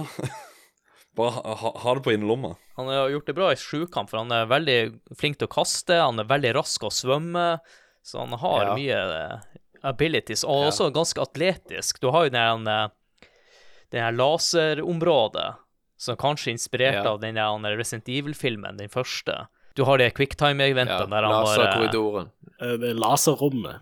Det, det, det er jo en ting, da. Resident Evil 4 har en del sånne eh, stupid uh, sekvenser. Uh, sånn, Ja. sånn som laserrommet. Hvor det er bare sånn ja, her, her er et rom hvor Leon skal være badass lite grann, og så har vi Ja. et quicktime-event, og så en kul nok referanse til filmen, da. Men så har du òg en sekvens hvor det plutselig er en svær mekanisert statue av han um, Salazar. Salazar. Ramón Salazar som springer etter deg. Bare sånn fordi det er jo en ting som kan skje, I Ja. guess. altså, det er logisk nok kutta de ut i remaken, men greit. Statuen er med. Statuen er jo i remaken. Han er der, men han springer ikke etter Han deg, springer ikke etter deg. så- som er veldig skuffende. Ja, det er Embrace the stupid. eh, ja. ja. ja. Resident Evil 4 er sånn fantastisk uh, uh, det, er ikke, det er et spill som bare ikke tar seg sjøl så seriøst alltid, men når det gjør det, så treffer det likevel. Ja. Det er En annen ting jeg har lyst til å nevne òg, er jo som jeg, eh, altså Mesteparten av spillet er jo veldig sånn Det er skummelt på en annen måte enn det Resident Evil har vært. Helt fram til du runder spillet og ser credits, og plutselig du begynner å se sånne tegninger av hvordan ting skjedde når landsbyen ble infisert. Ja, Og plutselig så ser du eh, sånn tegning av en, en landsby med massevis av folk som blir sånn sjokkert over at det hodet sprenger til en fyr, og det kommer en parasitt ut av det, liksom, og sånt. Og så er det denne litt sånn mer skumle musikken istedenfor den Ja, det er intense sånn musikken. Ja, Ja, ja, ja, ja. Mesterlig utført. Helt fantastisk. Ja, så Det er helt sant. Jeg husker veldig, veldig godt minneverdig. at jeg, satt, ja, at jeg bare satt og bare måpte og fulgte med på rulleteksten der. Mm. Det var fantastisk. Har dere noe mer, eller skal vi eh, snakke litt om det? Thomas var inne på det, bonustinga? Jeg kan nevne så vidt dette med genadosene, som de heter da. Mm. At de òg Ja. for så vidt utvikler seg ved at de senere at hovene, menneskehovene på en måte sp sprekker som tomater, og så kommer det liksom tentakler ut. Ja. De, de får seg en upgrade senere, sant? eh, og da er det greit å ha sniperrifler. Jeg husker, jeg tror det er første gang at vi, vi klarte faktisk å få til en headshot. Da sprenges i hodet. Og du tenker yes, han er, han er død, og så plutselig kommer det blekkspruten opp på hodet. Jeg husker vi fikk panikk ja, den første gangen. stemmer. Det var genialt òg. ja. Jeg, jeg har sagt det før, jeg sier det igjen. Det her at de klarer å gi en variasjon hele veien i spillet med tanke på fiendebildet. Du, du blir aldri dritlei. Det er ikke mange spill som klarer det, og det tror jeg vel kanskje Nå har jeg ikke spilt fem og sekser, men jeg er innforstått med at kanskje de sliter med akkurat det. De sleit vel kanskje å finne denne magien i de to spillene. Ja. Jeg tror ikke de skjønte egentlig hva de holdt de på med, nesten, i Resident Evil 4, for alt funka så bra. Ja, Resident Evil 5 er kvalitetsmessig ganske likt som Resident Evil 4 på mange måter, altså. Det er det, men det krever at du har noen å spille sammen med. Det er helt avhengig av den Coop-opplevelsen. Men det òg har fantastisk pacing, bra combat, bra design av sånne combat-scenarioer, og var Ja god variasjon i absolutt. fiendene, og Det er bare enda mer actionfokusert òg. det er det. det er jo, med en gang du spiller sammen med noen, så forsvinner jo litt av den horroren med bare sånn naturlig. Sant? Vet dere om, dere, om man kan spille det online? For jeg tror det kunne vært litt artig for lytterne å se jeg og Håkon streame det en gang. For der tror jeg det har vært mye kjefting på Det hverandre er og jeg underholdning. helt sikker på. Du. Ja, du, du kan spille online. Å, der har vi nok en plan, Håkon. Det er online-tjeneste i spillet, eller er det sånn du bruker sånn Parsec eller sånn Nei, nei, du eh, kan spille online i spillet, og det er Ja. på moderne plattformer òg. Ja. Rett på Steam. Ja. Ja, da har vi en plan, Håkon. Da skal vi få streama det jeg og du Ja. lag. Det kunne Du vært kan vel òg spille Damn. Kan du ikke òg spille Revelations 2 Coop? Jo, det òg har Ja. coop, men det har jeg faktisk ikke spilt. Nei, Så- ikke heller. Jeg har ikke spilt det. Jeg har spilt én til 3DS. Jeg likte ikke var kult, én, så jeg har ikke spilt 2. Ja. Jeg syns det var kult nok. Én. Skal vi si oss ferdig med, med selv hovedspillet, men vi har jo snakka litt om bonusinnholdet. Du har jo New Rounds, der du fortsetter med utstyret. Du starter spillet på nytt, men du fortsetter med Mm. utstyret du avslutta med. Og så har du professional mode, som en eh, slags hard mode i spillet, som du kan låse opp etter du har klart det. Eh, det vi ikke har nevnt, eh, eller nevnte vi at det har en sånn dynamisk vanskelighetsgrad, det spillet her. At hvis du sliter utrolig mye, så får du mer ammo. Uh, tror det kommer fi færre fiender også, hvis du dør altfor mange ganger. Og stikk motsatt hvis du er flink i det. Det, det er jo en ting som er sånn I dag så hadde det vært veldig tungt markedsført, men uh, når det, det, Spillet forteller deg ikke at det har dynamisk vanskelighetsgrad. Nei. Det er hemmelig design. Men det er, et, det er en del av denne hemmeligheten som gjør at spillet er så eh, bra peisa og bra balansert. For det er det. Det er begge de to tingene. Bra peisa og bra balansert. Og det er en kunst å få til, da. Er det med noe i remaken? Eh, jo, i remaken òg. For det som er da, er jo at eh, altså, fiendene tåler Det er litt sånn tilfeldig hvor mange skudd en fiende tåler. Og det er litt sånn tilfeldig hvor mye ammo og, og heals de dropper når de dør, og hva du finner i bokser og sånt. Det er dynamisk alt etter hvordan tilstanden din er. Om du har mye helse, lite helse, om du har mye ammo, lite ammo. Hvis du er jævlig god på headshots, så tåler de mer, og du får mindre ammo. sant? Stemmer. Og så vil jeg jo bare nevne at du får ekstra våpen, fem forskjellige ekstra våpen. Thomas har jo nevnt noen av dem, så jeg trenger å gå i dybden på dem. Og så har du jo eh, Ashley og Leon får også to forskjellige typer kostymer. Det eneste jeg vil nevne der, er jo at Ashley får en sånn rustning. Og den rustninga gjør sånn at de, han, eh, fiendene klarer ikke å bære henne bort, og de klarer ikke å kidnappe henne. Ja, og har evig liv òg. Så hvis du hater den sekvensen, så må du bare klare spillet en gang, og så kan du slippe det. Og så har vi jo nevnt de her ekstra eh, game-modusene som dukker opp, som jeg synes er utrolig kult med sånne spill. At du låser opp sånne her ting etter du har klart spillet, for det er, en, det er en skikkelig premie. Du får mer spill for pengene. Mm. Vi har jo nevnt Separate Ways, som ikke GameCube-versjonen fikk, men vi har jo Assignment Ada og Ja. The Mercenaries. Mercenaries brukte jeg veldig mye tid på, det var sykt vanedannende. Uh, det er utrolig gøy. For det er mer av Resident Evil 4-combaten, bare det handler om å få poeng, og du ja, kan spille som forskjellige karakterer. Ja, og her tror jeg du kan gjøre Jeg lurer på om det er via en Separate Ways. Jeg er litt usikker, men du kan jo også spille sånn Albert Wesker der. Mm, Du må bare stemmer. gjøre et eller annet triks for å få det til. Og så helt på tampen her før vi skal eh, Skal vi ta lyttespalten først, Håkon, eller skal vi ta ratinga først? Jeg glemmer alltid den rekkefølgen. Ja, ja vi tar rating Så du skal først. få velge. Ja, men før vi tar ratinga ratinga, så vil jeg stille et spørsmål her. Er Resident Evil 4 det beste Resident Evil-spillet som er laga? Eller er det noe som setter mer pris på din gamle stil? Ja, jeg kan vel svare først, jeg. Resident guess. Evil 7. Ja. Jeg syns uh, Det var en stund hvor jeg syntes Resident Evil 4 var det beste, men nå i dag så vil jeg si at uh, det ikke er det beste lenger. Selv om det fortsatt er et fantastisk bra spill.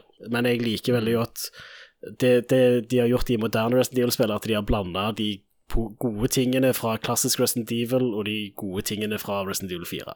Og Resident Evil 2-remaken er for min del til nå den perfekte blandingen av bra action og bra survival horror. Med bra puzzle gameplay og bra sånn utforsking og sånt, som du ikke har så mye av i Resident Evil 4. Så Resident Evil 2 remake er min favoritt. Jeg er 100% enig, så jeg har egentlig ikke så mye mer å tilføye.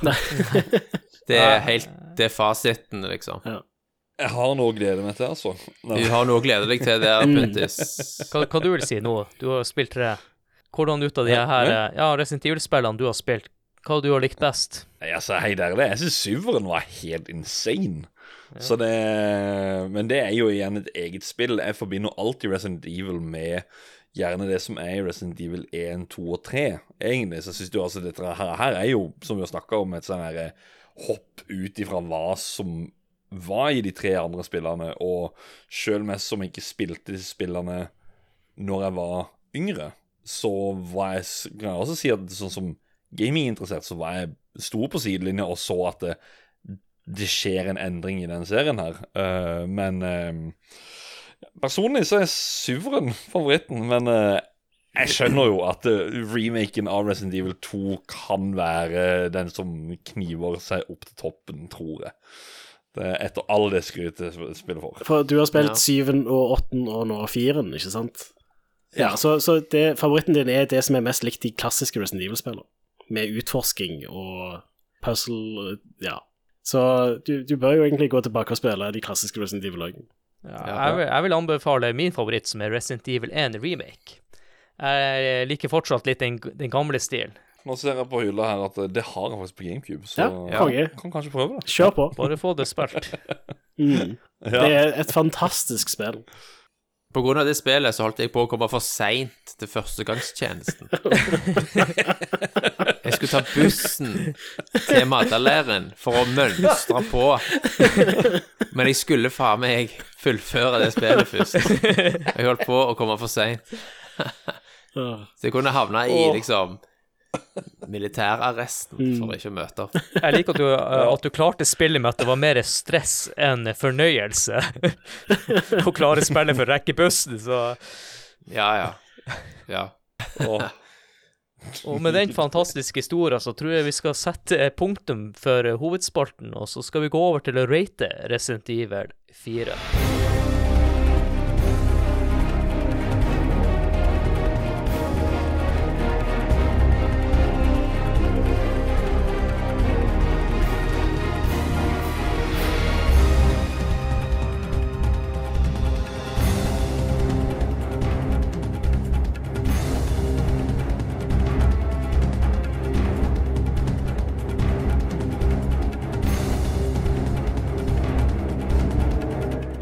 kjører på. Eh, vi setter karakterene etter Nintendo-magasinet sine kriterier og bedømmer spillet etter de her fem punktene. Grafikk, lyd, spillkontroll, underholdning og holdbarhet. Og skalaen er fra 1 til 10. Og eh, jeg tenker at eh, for å hype opp ratinga, så skal vi kjøre han Are ut først, for å sette standarden for oss andre. Grafikk. Ja. Uh, 10 til og med originale på Game... altså, PlayStation 2-versjonen har ikke ti av ti, men originalen på GameCube, ti av ti. Det, det Ja. var sykeste grafikken på GameCube. Sykeste grafikken den generasjonen. Og vi tar jo utgangspunktet i GameCube-versjonen her, så Thomas, hva du har lyst til å gi grafikk? Det er åpenbart ti av ti. Ja. Det er ikke noe å diskutere. Det var helt revolusjonerende. Jeg husker første eh, liksom skriftlige beskrivelser av hva folk hadde sett på messer og sånn, var liksom ikke til å tro, Mm. sant? Eh, og når det leverte, så leverte det så inn i granskauen òg. Ja, absolutt. Hva du vil si om teksturene i spillet? Teksturene ja, Altså, det er klart at i dagens uh, virkelighet så Altså, jeg ville ikke hylt teksturene, mann, liksom. Ja, Men, men da men da så var det var veldig, veldig flott. Altså, hvis du spiller det på det det er lagt for å spilles på, en CRT-TV, så, Ja. så ser det helt fabelaktig ut. Og teksturene da, En CRT vil jo kamuflere hvordan uh, lav oppløsning Møtti. teksturene er. ja. da. Uh, det, er det, ja. det er det det gjør. Så, så det det er lagd for, CRT, upåklagelig. Jeg skal lene meg på mye av det dere har sagt der, og så skal jeg lene meg på en tiår her også, fordi at det Ja, nei, det er ikke noe å klage på. Og så er det Ja. Ja. Nei, det, det, det ser bare pent ut. Det som er sjukt med GameCube-versjonen også, med, når det kommer til grafikk, er at det så jo mye bedre ut enn av mange versjoner i mange år senere også. Sånn som PC-versjonen som kom ut i 2007, det, det så jo til og med dårligere ut enn GameCube-versjonen. eh, jeg tror også han eh, Mikami han var litt skuffa over at de gikk bort ifra den avtalen med Nintendo etter hvert. For at Mm. uh, alt av de spillene han ville lage, uh, var med tanke på hardwaren til Nintendo GameCube. For vi glemmer jo ofte at det, det var en ganske kraftig maskin, det òg. Mm. Så jeg gir det også en tier. Lett tier. Lyd, Are. Mm. Ja, eh, da vil jeg jo si igjen ti av ti, egentlig. Altså, det eneste du kan egentlig klage på der, er vel at eh, noen av våpnene høres litt tamme ut, kanskje. Men det har bra voice acting. Det har veldig sånn eh, stemningsfull ambiance, eh, som passer veldig godt til Ja, det setter stemninga, ja. Uh, og um, ja, så, altså som sagt, voice-actingen er Selv om han er eh, stupid, så er han bra levert og hilarious. Så Mm. det er konge. Ja, jeg er enig i alt det. Det er veldig bra lyddesign. Uh, som nevnt, disse her uh, regeneratorene. Oh. Bare, bare pustingen deres gjør at det er ti av ti. Ja. Musikken uh, Ja, er diverse quotes som blir sagt. Uh, Voice-actinga, det er tipp topp, tommel opp. Ti av ti. Ti av ti. Jeg gir også ti av ti, med tanke på alle detaljene også rundt uh, Ja. Det setter standarden. Are, spillkontroll. Eh, har jeg egentlig lyst til å gi litt trekk for quicktime events. Men så, så 9 av ti er vel egentlig. Men Kom igjen, ni og en halv. Nå, nå. ja, ni og en halv. Ja. For quicktime events er en del det, det er jo en del av kontroll, vil jeg si, og det trekker litt ned. Men ja, altså det, Dette er jo et definerende spill. Og på veldig mange måter så er det uh, litt vanskelig å gå tilbake til originalen i dag, fordi du er ikke så vant med å sikte med samme analogspake som du beveger deg med. Eh, For det, i alle spill i dag så er det gjort med forskjellige analogspaker. Så sånn sett så er det òg litt sånn Det har ikke eldes så godt. Nei, jeg er enig med der, men jeg syns også det er litt realistisk. Det der med at Ja. du må stoppe og faktisk sikte og skyte for å faktisk treffe. Det, men det er det, da. Altså, spillet er designa vilt bra rundt styringen det har. Og er engasjerende uansett, på tross av at styringen kanskje ikke er helt moderne, selv om Ja. Så, så er det det det er designa for, og det funker veldig bra i den sammenhengen. Så ni og en halv av ti. Ni og en halv. Enn du, Thomas?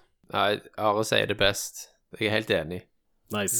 Det, får, det må få trekk Det må få lite trekk for den quicktimen, ellers er det jo bygd rundt GameCube-kontrollen Ja. sant? på en måte som du ikke kunne gjort bedre. Mm.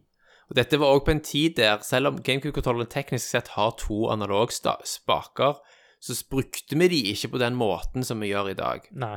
Sant? Høyre analogspak på GameCuben var jo på en måte C-knappene, sant? Ja. Fra Ja, Nintendo 64-kontrolleren. ja. Mm. Du kunne rotere den som en analogstikk, men det, det var ikke sånn man tenkte Mm. gamedesign-messig. Du styrte ikke kamera på den måten som er en default i dag. Vet kan jeg se-knappen minne meg om?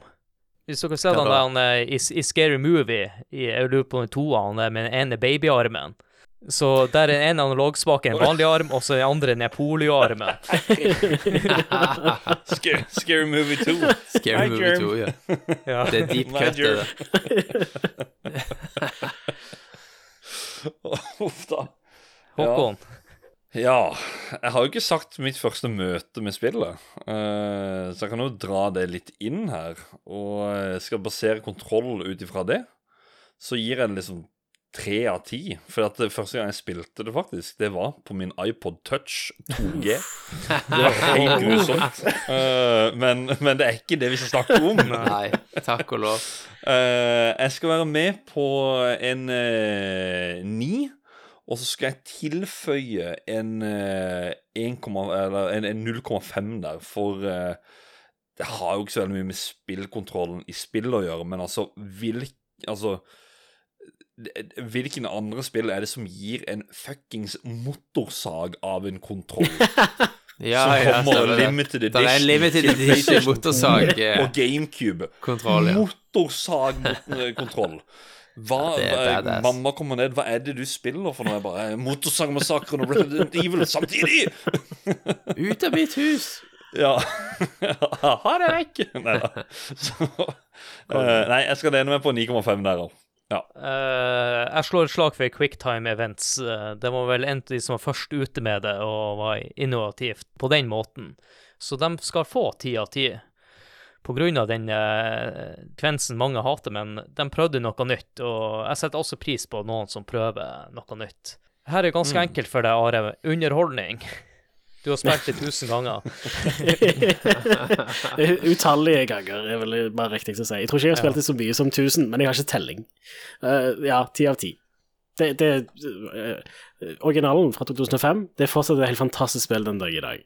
Uh, nå har det jo kommet en remake, men den erstatter ikke originalen. De to spillene er gode på hver sine ting, og jeg anbefaler å spille begge den dag i dag. Enn du, Thomas? Fortsatt Ja, altså, jeg er helt enig. Ja.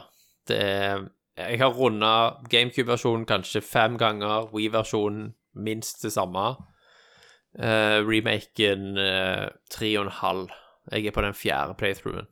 Jeg har tenkt Jeg skal selvfølgelig plukke det opp igjen nå for Separate Ways. Og da snakker vi ikke om eh, låta til Journey.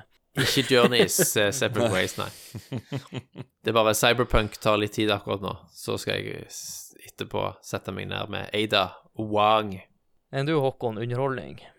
Jeg skal lene meg på en tiår sjøl, fordi at det er jo et uh, Vi har, vi har jo snakka mye om det, at det er, en, det er en stemning som er satt i spillet, og du, du Altså Gøy underholdning, skummel underholdning, hva nå enn. Altså, det, det er underholdning, i hvert fall. Altså, det, det, det griper. Så det er Ja, det er ikke noe annet å si enn ti av ti. Jeg gjør også lett ti av ti, og en ting jeg vil trekke fremover også, som jeg synes er utrolig bra med spillet, at når du klarer det, så har det en premie. For jeg husker så mange spill på Super Nintendo. Jeg fantaserte hva som skjedde etter rulleteksten, og du skulle låse opp et eller annet. Men her låser du opp flere forskjellige eh, game-moduser, og i tillegg masse artige bonusgreier, og gir spillet mye mer liv. Du, du får mye mer spill for penger enn du tror i utgangspunktet, så det er en klar tier. Og neste punkt er holdbarhet, og her har jeg lyst til å starte først, for å, å Jeg vil at spillet skal gjøre det bra, og skal forklare hvorfor. Når det kommer til holdbarhet, så nevnte jeg jo litt i stad at spillet var forut for sin tid, og GameCube-versjonen gjorde det mye bedre enn mange spill som kom etter, og så mye finere ut enn mange spill etter. Eh, og det er utrolig vakkert, og eh, når han Are sier at uh, GameCube-versjonen gjør noe bedre enn remaken gjør i dag, så lover jo det ganske godt. Så jeg har lyst til å gi på holdbarhet, så skal jeg gi ti, og så skal jeg gi ordet over til han Are. Holdbarhet, hva du har lyst til å gi der? Det, jeg er helt enig med det du sier. Det, det er ti av ti. Altså, jeg, jeg spilte det uh, sammen med eh, Stian på livestream, livestream, uh, for han hadde ikke spilt originalen før remaken kom ut. Fordi vi bestemte liksom at vi må spille Resident Evil 4 før vi spiller Resident Evil 4. Uh, og eh, det var jo da første gang jeg hadde spilt det på en god del år, men jeg husker det spillet så godt ennå, fordi jeg spilte det så mange ganger, og det jeg har bare holdt seg. Det er en perle. Det er upåklagelig. Thomas, Du må ærlig innrømme at jeg har satt opp tieren før du har svart, men ja, du skal få til å svare. altså, det er selvfølgelig ti. Samme begrunnelse. Jeg bare slutter meg til det som er sagt av Are her. Håkon, stort press på deg nå. Ti. Nei, jeg, jeg, jeg kan bare lene meg på alt det som er blitt sagt, rett og slett. Det er ikke noe Ja. Og så ser jeg jo her at uh, jeg tror ikke det, det spillet blir å gjøre det bra, men det er ikke det kanskje det spillet som har hatt høyest karakter i år. Men det får dere høre på Game of the Year-episoden i slutten av det her året. Men før Game of the Year-episoden og year. Ja. Før Spill of the Year og Game of the Year-episoden, så må vi også ha Vi har jo en lyttespalte her. Så da må vi inn på ja. weben her. Eh, inne på Spill Community på Facebook. Hvis dere ikke er der, så gjerne join. Der legger vi ut eh, som regel lyttespalte og diverse. Jeg, kan, eh, jeg har lyst til å ta en her med en gang, han som skrev lengst. Han eh, Ingar Takanabu Hauge. Han skriver som ung var han altfor lettskremt å spille gjennom et helt Resident Evil-spill. Mye takket være noe bikkje i en viss eh, gang i det første spillet. Men så, som eh, student med en nykjøpt Wii måtte han prøve noe nytt, og Resident Evil 4 ble hans inngang til serien. Den perfekte balanse mellom skrekk, action og cheesy humor. Guess you're having one of uh, those senior moments, som er referanse til som blir sagt i spillet. I tillegg er dette et tilfelle hvor spill faktisk blir bedre på Wii, selv om noen vil si at det, å sikte med Wii-moten blir i det letteste laget. Jeg vil kanskje si at det er kanskje det vanskeligste laget. Så må vi ikke glemme tidenes beste handelsmann utenom Beadle i Zelda, selvfølgelig. En shady fyr med maske og altfor stor frakk som utbryter What are you buying? Billy blir arrestert på flekken alle andre steder, men i en gal spansk landsby er han muligens den minst gale av dem alle. Selv fruen som aldri har spilt et eneste Resident Evil-spill, kan kommentere Why are you buying? til meg når vi er ute og handler.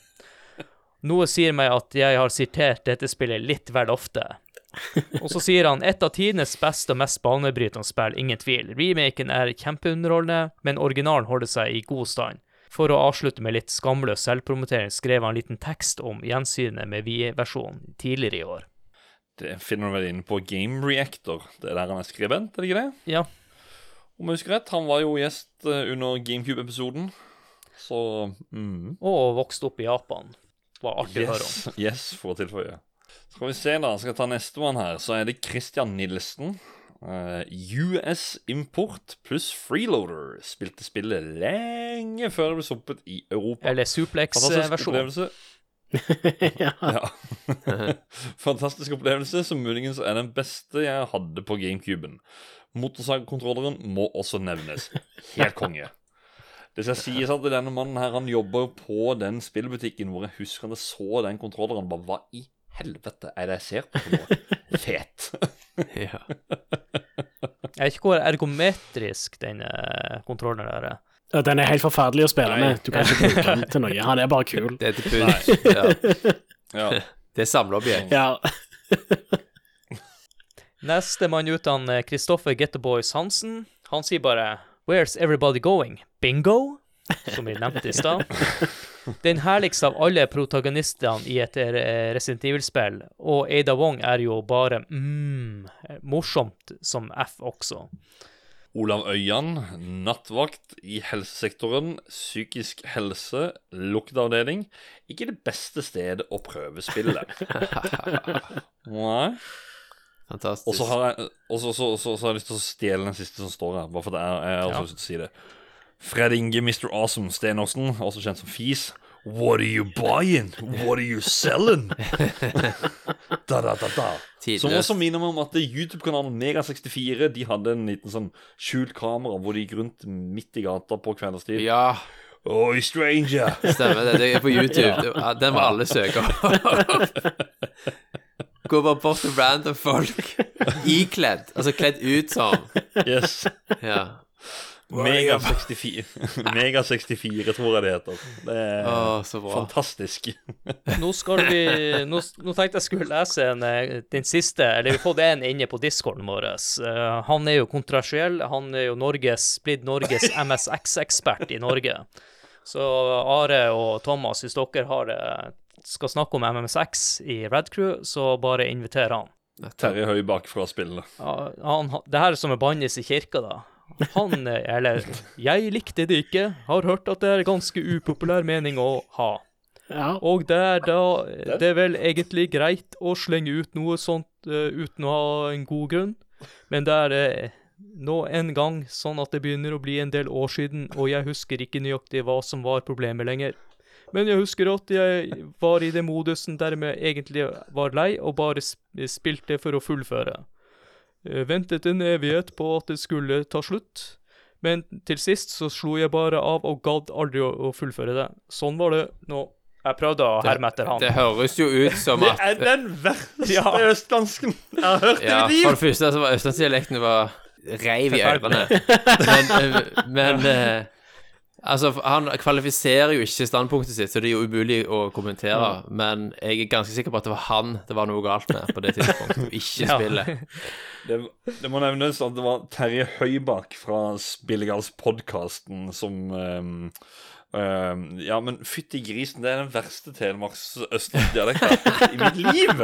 Nei, nei, men pro eh, problemet ikke sant, eh, Når jeg drev på med podkast nå og leste og oversatte alt til nordnorsk når jeg leser, så Ja. så skal Ja, begynne å prøve å lese bokmål og si bokmål. Det, jeg, klar- hodet klarte ikke å koble. Så jeg prøvde å hindre meg å prate nordlending. Jeg fikk nå lytterne, de som ennå Ja. orker å høre på episoden, eh, en liten eh, En god ekstra bonus. Ja. Ja. Og så er det sånn på tampen at vi lar alltid folk eh, plugge podkastene. Thomas, du er jo i samarbeid med Radcrew, men du kan jo plugge den andre podkasten som vi av og til nevner. Altså, jeg tror bare, altså, Min eh, gjest Ja, men den er jo så utgått nå at det, det er ikke så mye å plugge lenger. Det, det er såpass politisk ukorrekt, det som er å høre der nå, at uh, jeg tenker at faren for å bli anmeldt eller saksøkt eller et eller annet sånt er såpass Du blir overhengende cancelled, det er det som skjer. Ja, du- man blir cancelled. Det, det, han- det han Thomas nå, han som uh, har juristbakgrunn, er at han var sinnssyk i gjerningsøyeblikket, vil Si i alle episoder Ja. han var med. Ja, jeg husker ingenting engang, så jeg har fortrengt det. Det er min, mitt forsvar. Men for folk, for de som er interessert i å høre på hvordan man kunne uttrykke seg i gamle dager, altså for ja, tolv, ti år siden er det vel podkasten begynte og ble vel 13 avslutta, eller av, han er jo aldri avslutta offisielt, men uh, siste episode er vel eh, i fjor eller noe sånt. Så kan de sjekke ut Nerdcast. Uh, men uh, be warned, der er en del ufint språk, og der er en del sånn ikke politisk korrekte karakteristikker av andre mennesker i den podkasten. Så Og, og det som er morsomt nå, Thomas, hvis du deler denne episoden med Nerdcast-kontoen, så er det det her første episoden dere eh, annonserer i år. stemmer. Jeg vet ikke om jeg har tilgang til den kontoen lenger. Are, du er jo eh, med i en podkast som eh, fortsatt er velfungerende og ja, har gått nesten like lenge som Nerdcast. Nerdcast. Ja, ja, jeg, jeg har sagt uh, dumme ting inn i mikrofonen siden 2011 nå, i forbindelse med Radcrew. Jesus. Eh, men ja, holder koken ennå. Hver uke så kommer det nye episoder av Radcrew, uh, og jeg er vanligvis med. Så Ja. sjekk Og det dere ut. snakker jo mer om eh, det som skjer nå i dag i spillverden. Og så kommer dere av og til med Retrocrew-episoder. Ja, det hender. Og så har dere Neon. Dere har jo Ja. så mange podkaster. Ja, ja, jeg prøver egentlig å korte det ned til å bare være med én gang i uka sjøl, så jeg er mest med på uh, spillpodkasten vår, som er den uh, hovedpodkasten da. Men ja, vi har Neon, som er popkultur, Uh, og så har vi Nights, for de som gir oss penger på Patreon som er bare det er et tullete show. eh, bare, ja. Uh, og så selvfølgelig Retro Crew, som er retro, logisk nok. Det er Ketil som eh, Når Ketil har tid, så får vi en eh, episode mm. der en gang iblant. Det skal sies at det tikka inn varsel her på Discord om at det var en ny episode med Inger-Lise, Stian, Are og Jostein. Og da snakker vi om Resident Evil 4, og da står det 'Hvor gjemmer du et lik?' Og så parentes i dataspill. Litt innenfor temaet vi har pratet Yep. om i dag. Herlig. Og. Håkon, vi må jo plugge vår egen podkast. Yeah! For å ha noe sweet merch med T-skjorter med sånn som jeg går med nå, en Hallais-T-skjorte eller kaffekopp eller hva nå enn, med logoen vår på, så er det jo bare å stikke inn opp på Spreadshirt-butikken. Og så, eh, hvis dere har lyst til å støtte spillet, så kan dere gjøre det i form av å eh, ja, tipse til venner og bekjente om å sjekke oss ut, og eh, gjerne gi oss en rating inne på Spotify, Apple Podcast eller andre plattformer. Og så er det hjertelig velkommen til å joine disse Discord- og eh, Facebook-communityene som vi har eh, nevnt, og vi hadde lytterspalten ifra. Link til det er i episodebeskrivelsen. Og så har eh, vi et samarbeid med ja, vi, går under det som vi kaller for Lolbua Inc., hvor det da er oss i spill, det er Lolbua, og så er det Ragequit, og så er det Likos univers med gjedda. Så det er fire podkaster på hver sin RSS-feed som man kan sjekke ut. Og så må vi selvfølgelig si tusen hjertelig takk til Joakim Froholt, som lager en artikkel om hver episode inne på spillhistorie.no. En av mine favoritt eh, eh, news-nettsider. Eh, og hvis dere har lyst til å støkke oss, eh, støkke oss, støtte oss litt økonomisk, så kan dere gjøre det via patrion.com slash lolbua. Da har vi en egen tier som heter Nachspiel, og det er det den bonuspodkasten heter, Nachspiel, hvor vi egentlig skal snakke litt Ja. Um, litt sånn samme som Are egentlig nevnte i stad om Ride Crew Nights. At det, det, er, det, er, bare noe som det er. Det, det, er bare Ja, det er gøy. Kanskje vi lager en uh, Nerdcast, jeg. Ja, vi får se, vi får se. Og så er det jo festdeltakere. Hvis dere står og hører på den, da er det alle vi under der Lolbua Inc. som er i Ruffelbua og finner på noe skøy fra tid til annen. Og det er vel det. Og da vil jeg rette en stor takk til deg, Are, for at du blir med på Resident Evil 4. Å, det er en glede. Jeg er alltid der oppe å snakke om Resident Evil. Og så en stor takk til deg, Thomas. Bare hyggelig, veldig kjekt. Uh, ja, det er liksom alltid gøy å snakke om ting som uh, har betydd noe for deg, sånn virkelig, sant, Mm. i gaming-livet ditt. Jeg, jeg kom på en liten tanke nå. Nå har jeg ikke snakka med Håkon eller meg sjøl, overveide, men kanskje til neste år, for å opprettholde den streaken din, Thomas, så kanskje du kan få velge spill neste Ja, det er en god idé. Da blir det Myst. Myst. Er det så veldig seasonal, da? Er det spoopy? Nei, det er jo ikke det. det, er ikke det. Jeg, må tenke, Skal vi- jeg må tenke nøye på det. Ja, du får tenke Ja, nøye vi kan ta altså la det være en secret. Og så er det da at den episoden Da er det faktisk Thomas som har valgt hvilket spill vi skal prate om. Ja. Ja. Du caller det her Ja, hvis og nå. vi husker det om et år. jeg caller det her og nå. Ja, Ja, jeg blir husket det, så bare slapp av. ja, Adrian skriver det Ja, ned. det er bra. Jeg lagrer på, Det er nydelig. på jern. Ja. Og så takk til deg, Håkon. Takk til deg og Adrian. Det var kjempekoselig. Ja, takk, takk. Og takk for det, til deg som hørte på episoden. Og med det så gjenstår det bare for meg å si én ting. Ha det! Ha det.